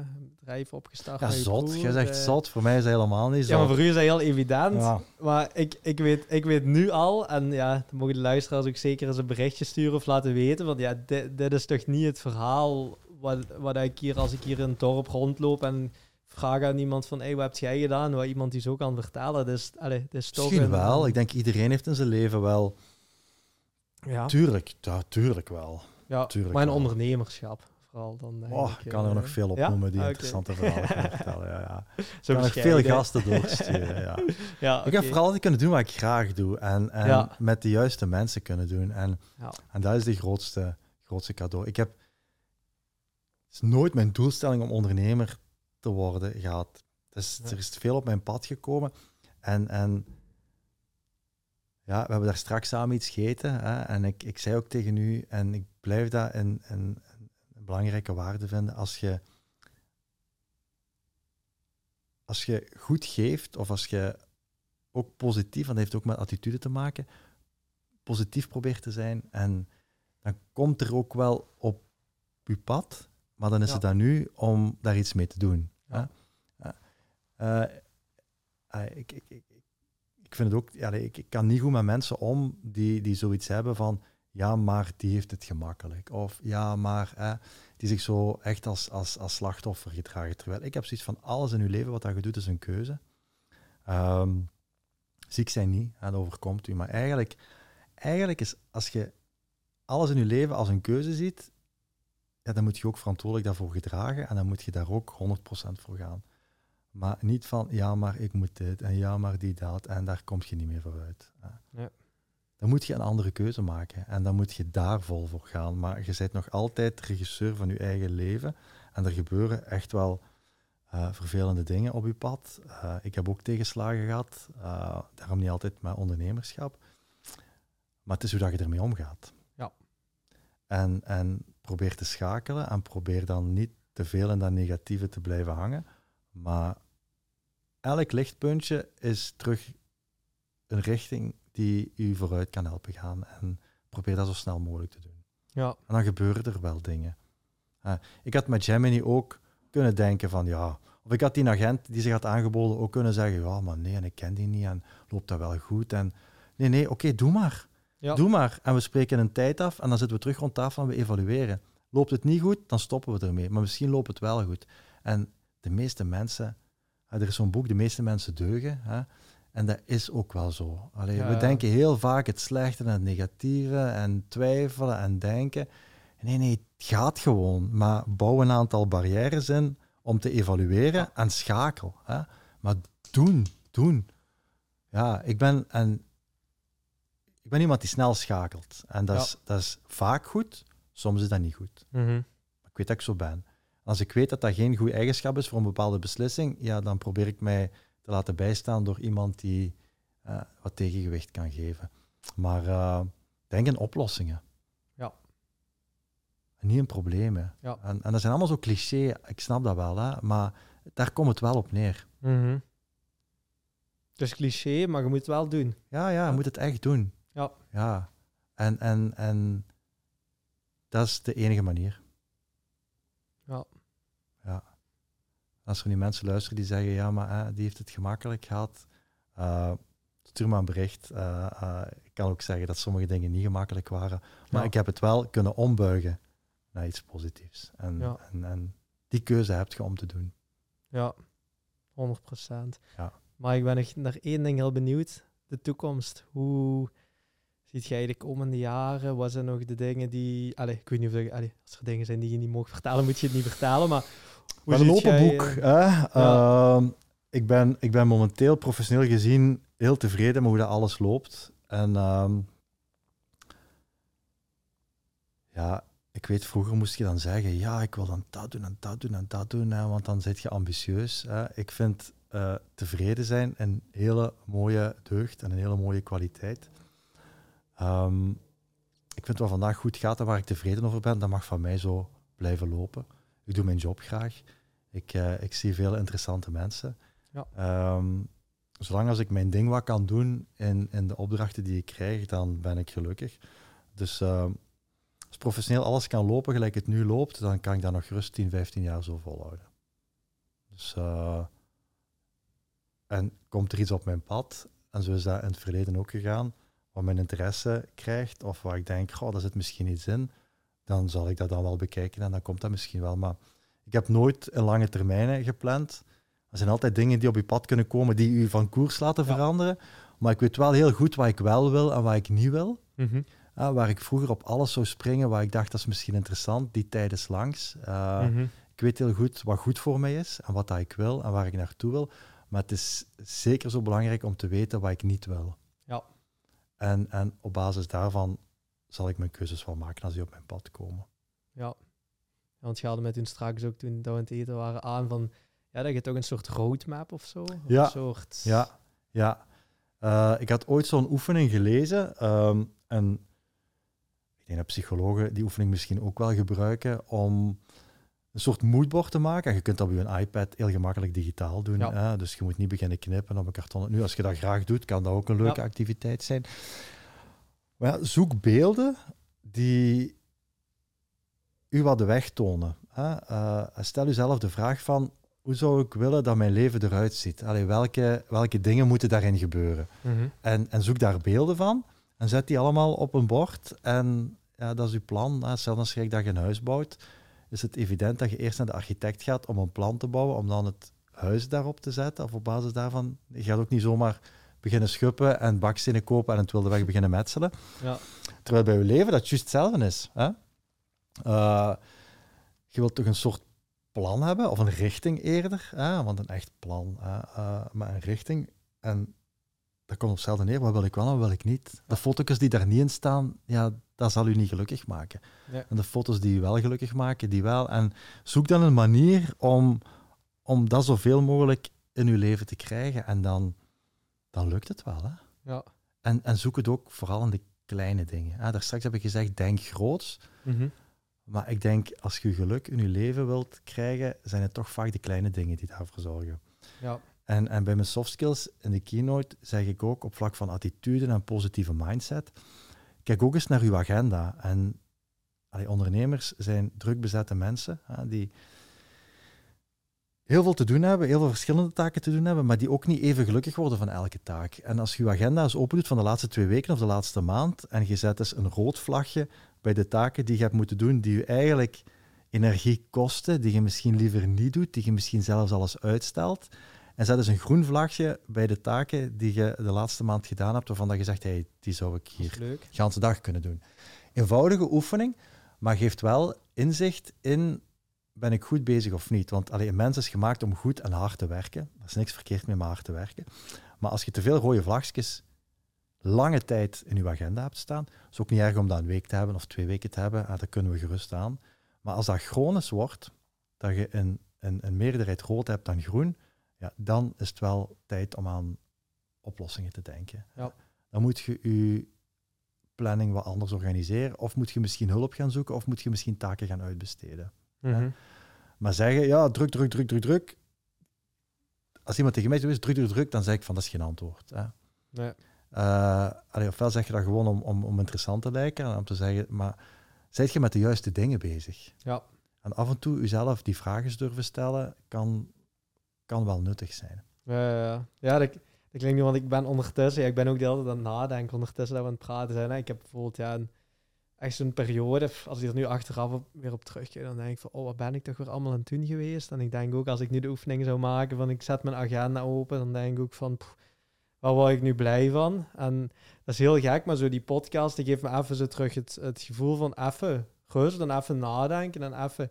Maar normaal, als je een bedrijf hebt, dan is. Allez, ik weet dat niet. Uh, ja, ja dat, zo, zo, zo, zo gaat het eraan toe, maar is dat de juiste manier? Ja, klopt. Dat is het net. Hè? Want ik voel me daar... Eh, Allez, ik begin dat, ik heb ook zo periodes gehad dat ik echt fysiek jong, dat ik echt zo dacht van, uh, allee, en dat, dat niet per se, dat, dat ik nog steeds leuk vond en zo, maar dat je gewoon merkt van er zijn bepaalde dingen die trekken mij zo. Ja, alleen en creativiteit is ook een softskill die we in het boek bespreken. En creatief en ondernemen, dat zijn twee synoniemen, want allee, je zoekt creatief en de softskill is niet goed kunnen tekenen, hè, maar dat is, allee, uh, ja. dat is eigenlijk nieuwe oplossingen bedenken voor problemen die zich voortkomen of of nieuwe manieren van, hè, uh, een beetje die, die, die platgetreden paden, alle andere connecties in je hoofd krijgen.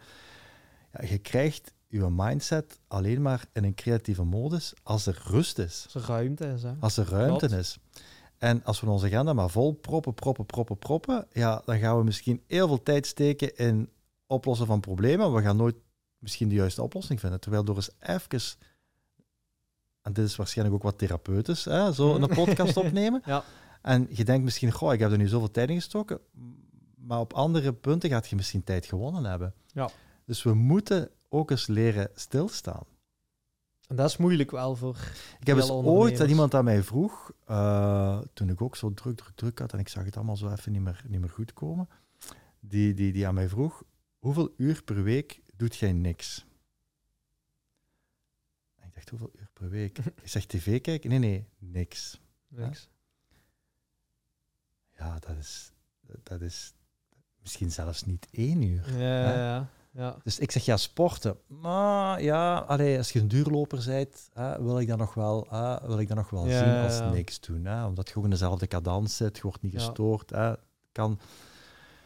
Ja, en toen ben ik mindful, mindfulness beginnen doen. Mhm. Ik dacht, ik moet momenten niks doen, want... Uh, dat doet je goed, hè? Dat is gek, hè? en toch lukt dat kwartier per dag dan soms nog altijd niet. En dan denk ik, ja, en, en ik, uh, ik wil ook niet zo de connotatie krijgen van, oh, spiritueel energiek, maar mindfulness is gewoon even tien minuten niks doen. Hè. Ja. En ja, dat is zo verhelderend. Dan maak je heel terug bewust ja, van ja, ja, ja, Dus ik raad echt mensen aan om, om eens af te vragen, zeker als je ondernemer bent, je, bent, je moet creatief zijn, maar je zorgt dat je hoofd nooit in die toestand is om creatief te zijn, ja, dan zit je niet goed bezig. Hè? Ja. Dus als je als ondernemer een argument nodig hebt om het te doen, voilà, allee. Ja, ja, 100%. It's part of the job. Hè? Ja, ja, om, om die creatief... Want je merkt als je druk bent... Ik heb nu ook een paar weken druk, maar ik weet ook, als ik momenten pak van dat ik hier gewoon zat en ik heb zo ziet hem daar zo liggen. Dat is bijna een bijbel, zo'n boek. En daar schrijf ik dan zo mijn gedachten en wat, wat speelt er en waar wil ik heen. Dan komen die ideeën. Hè? Dat is niet als ik hier druk en gelijk nee, eens onder kop zit rond te lopen en zo. Hè? En, en daar heb je dan s'avonds ook niet meer de goesting en de tijd voor. Nee, om, uh... nee, nee, dat is...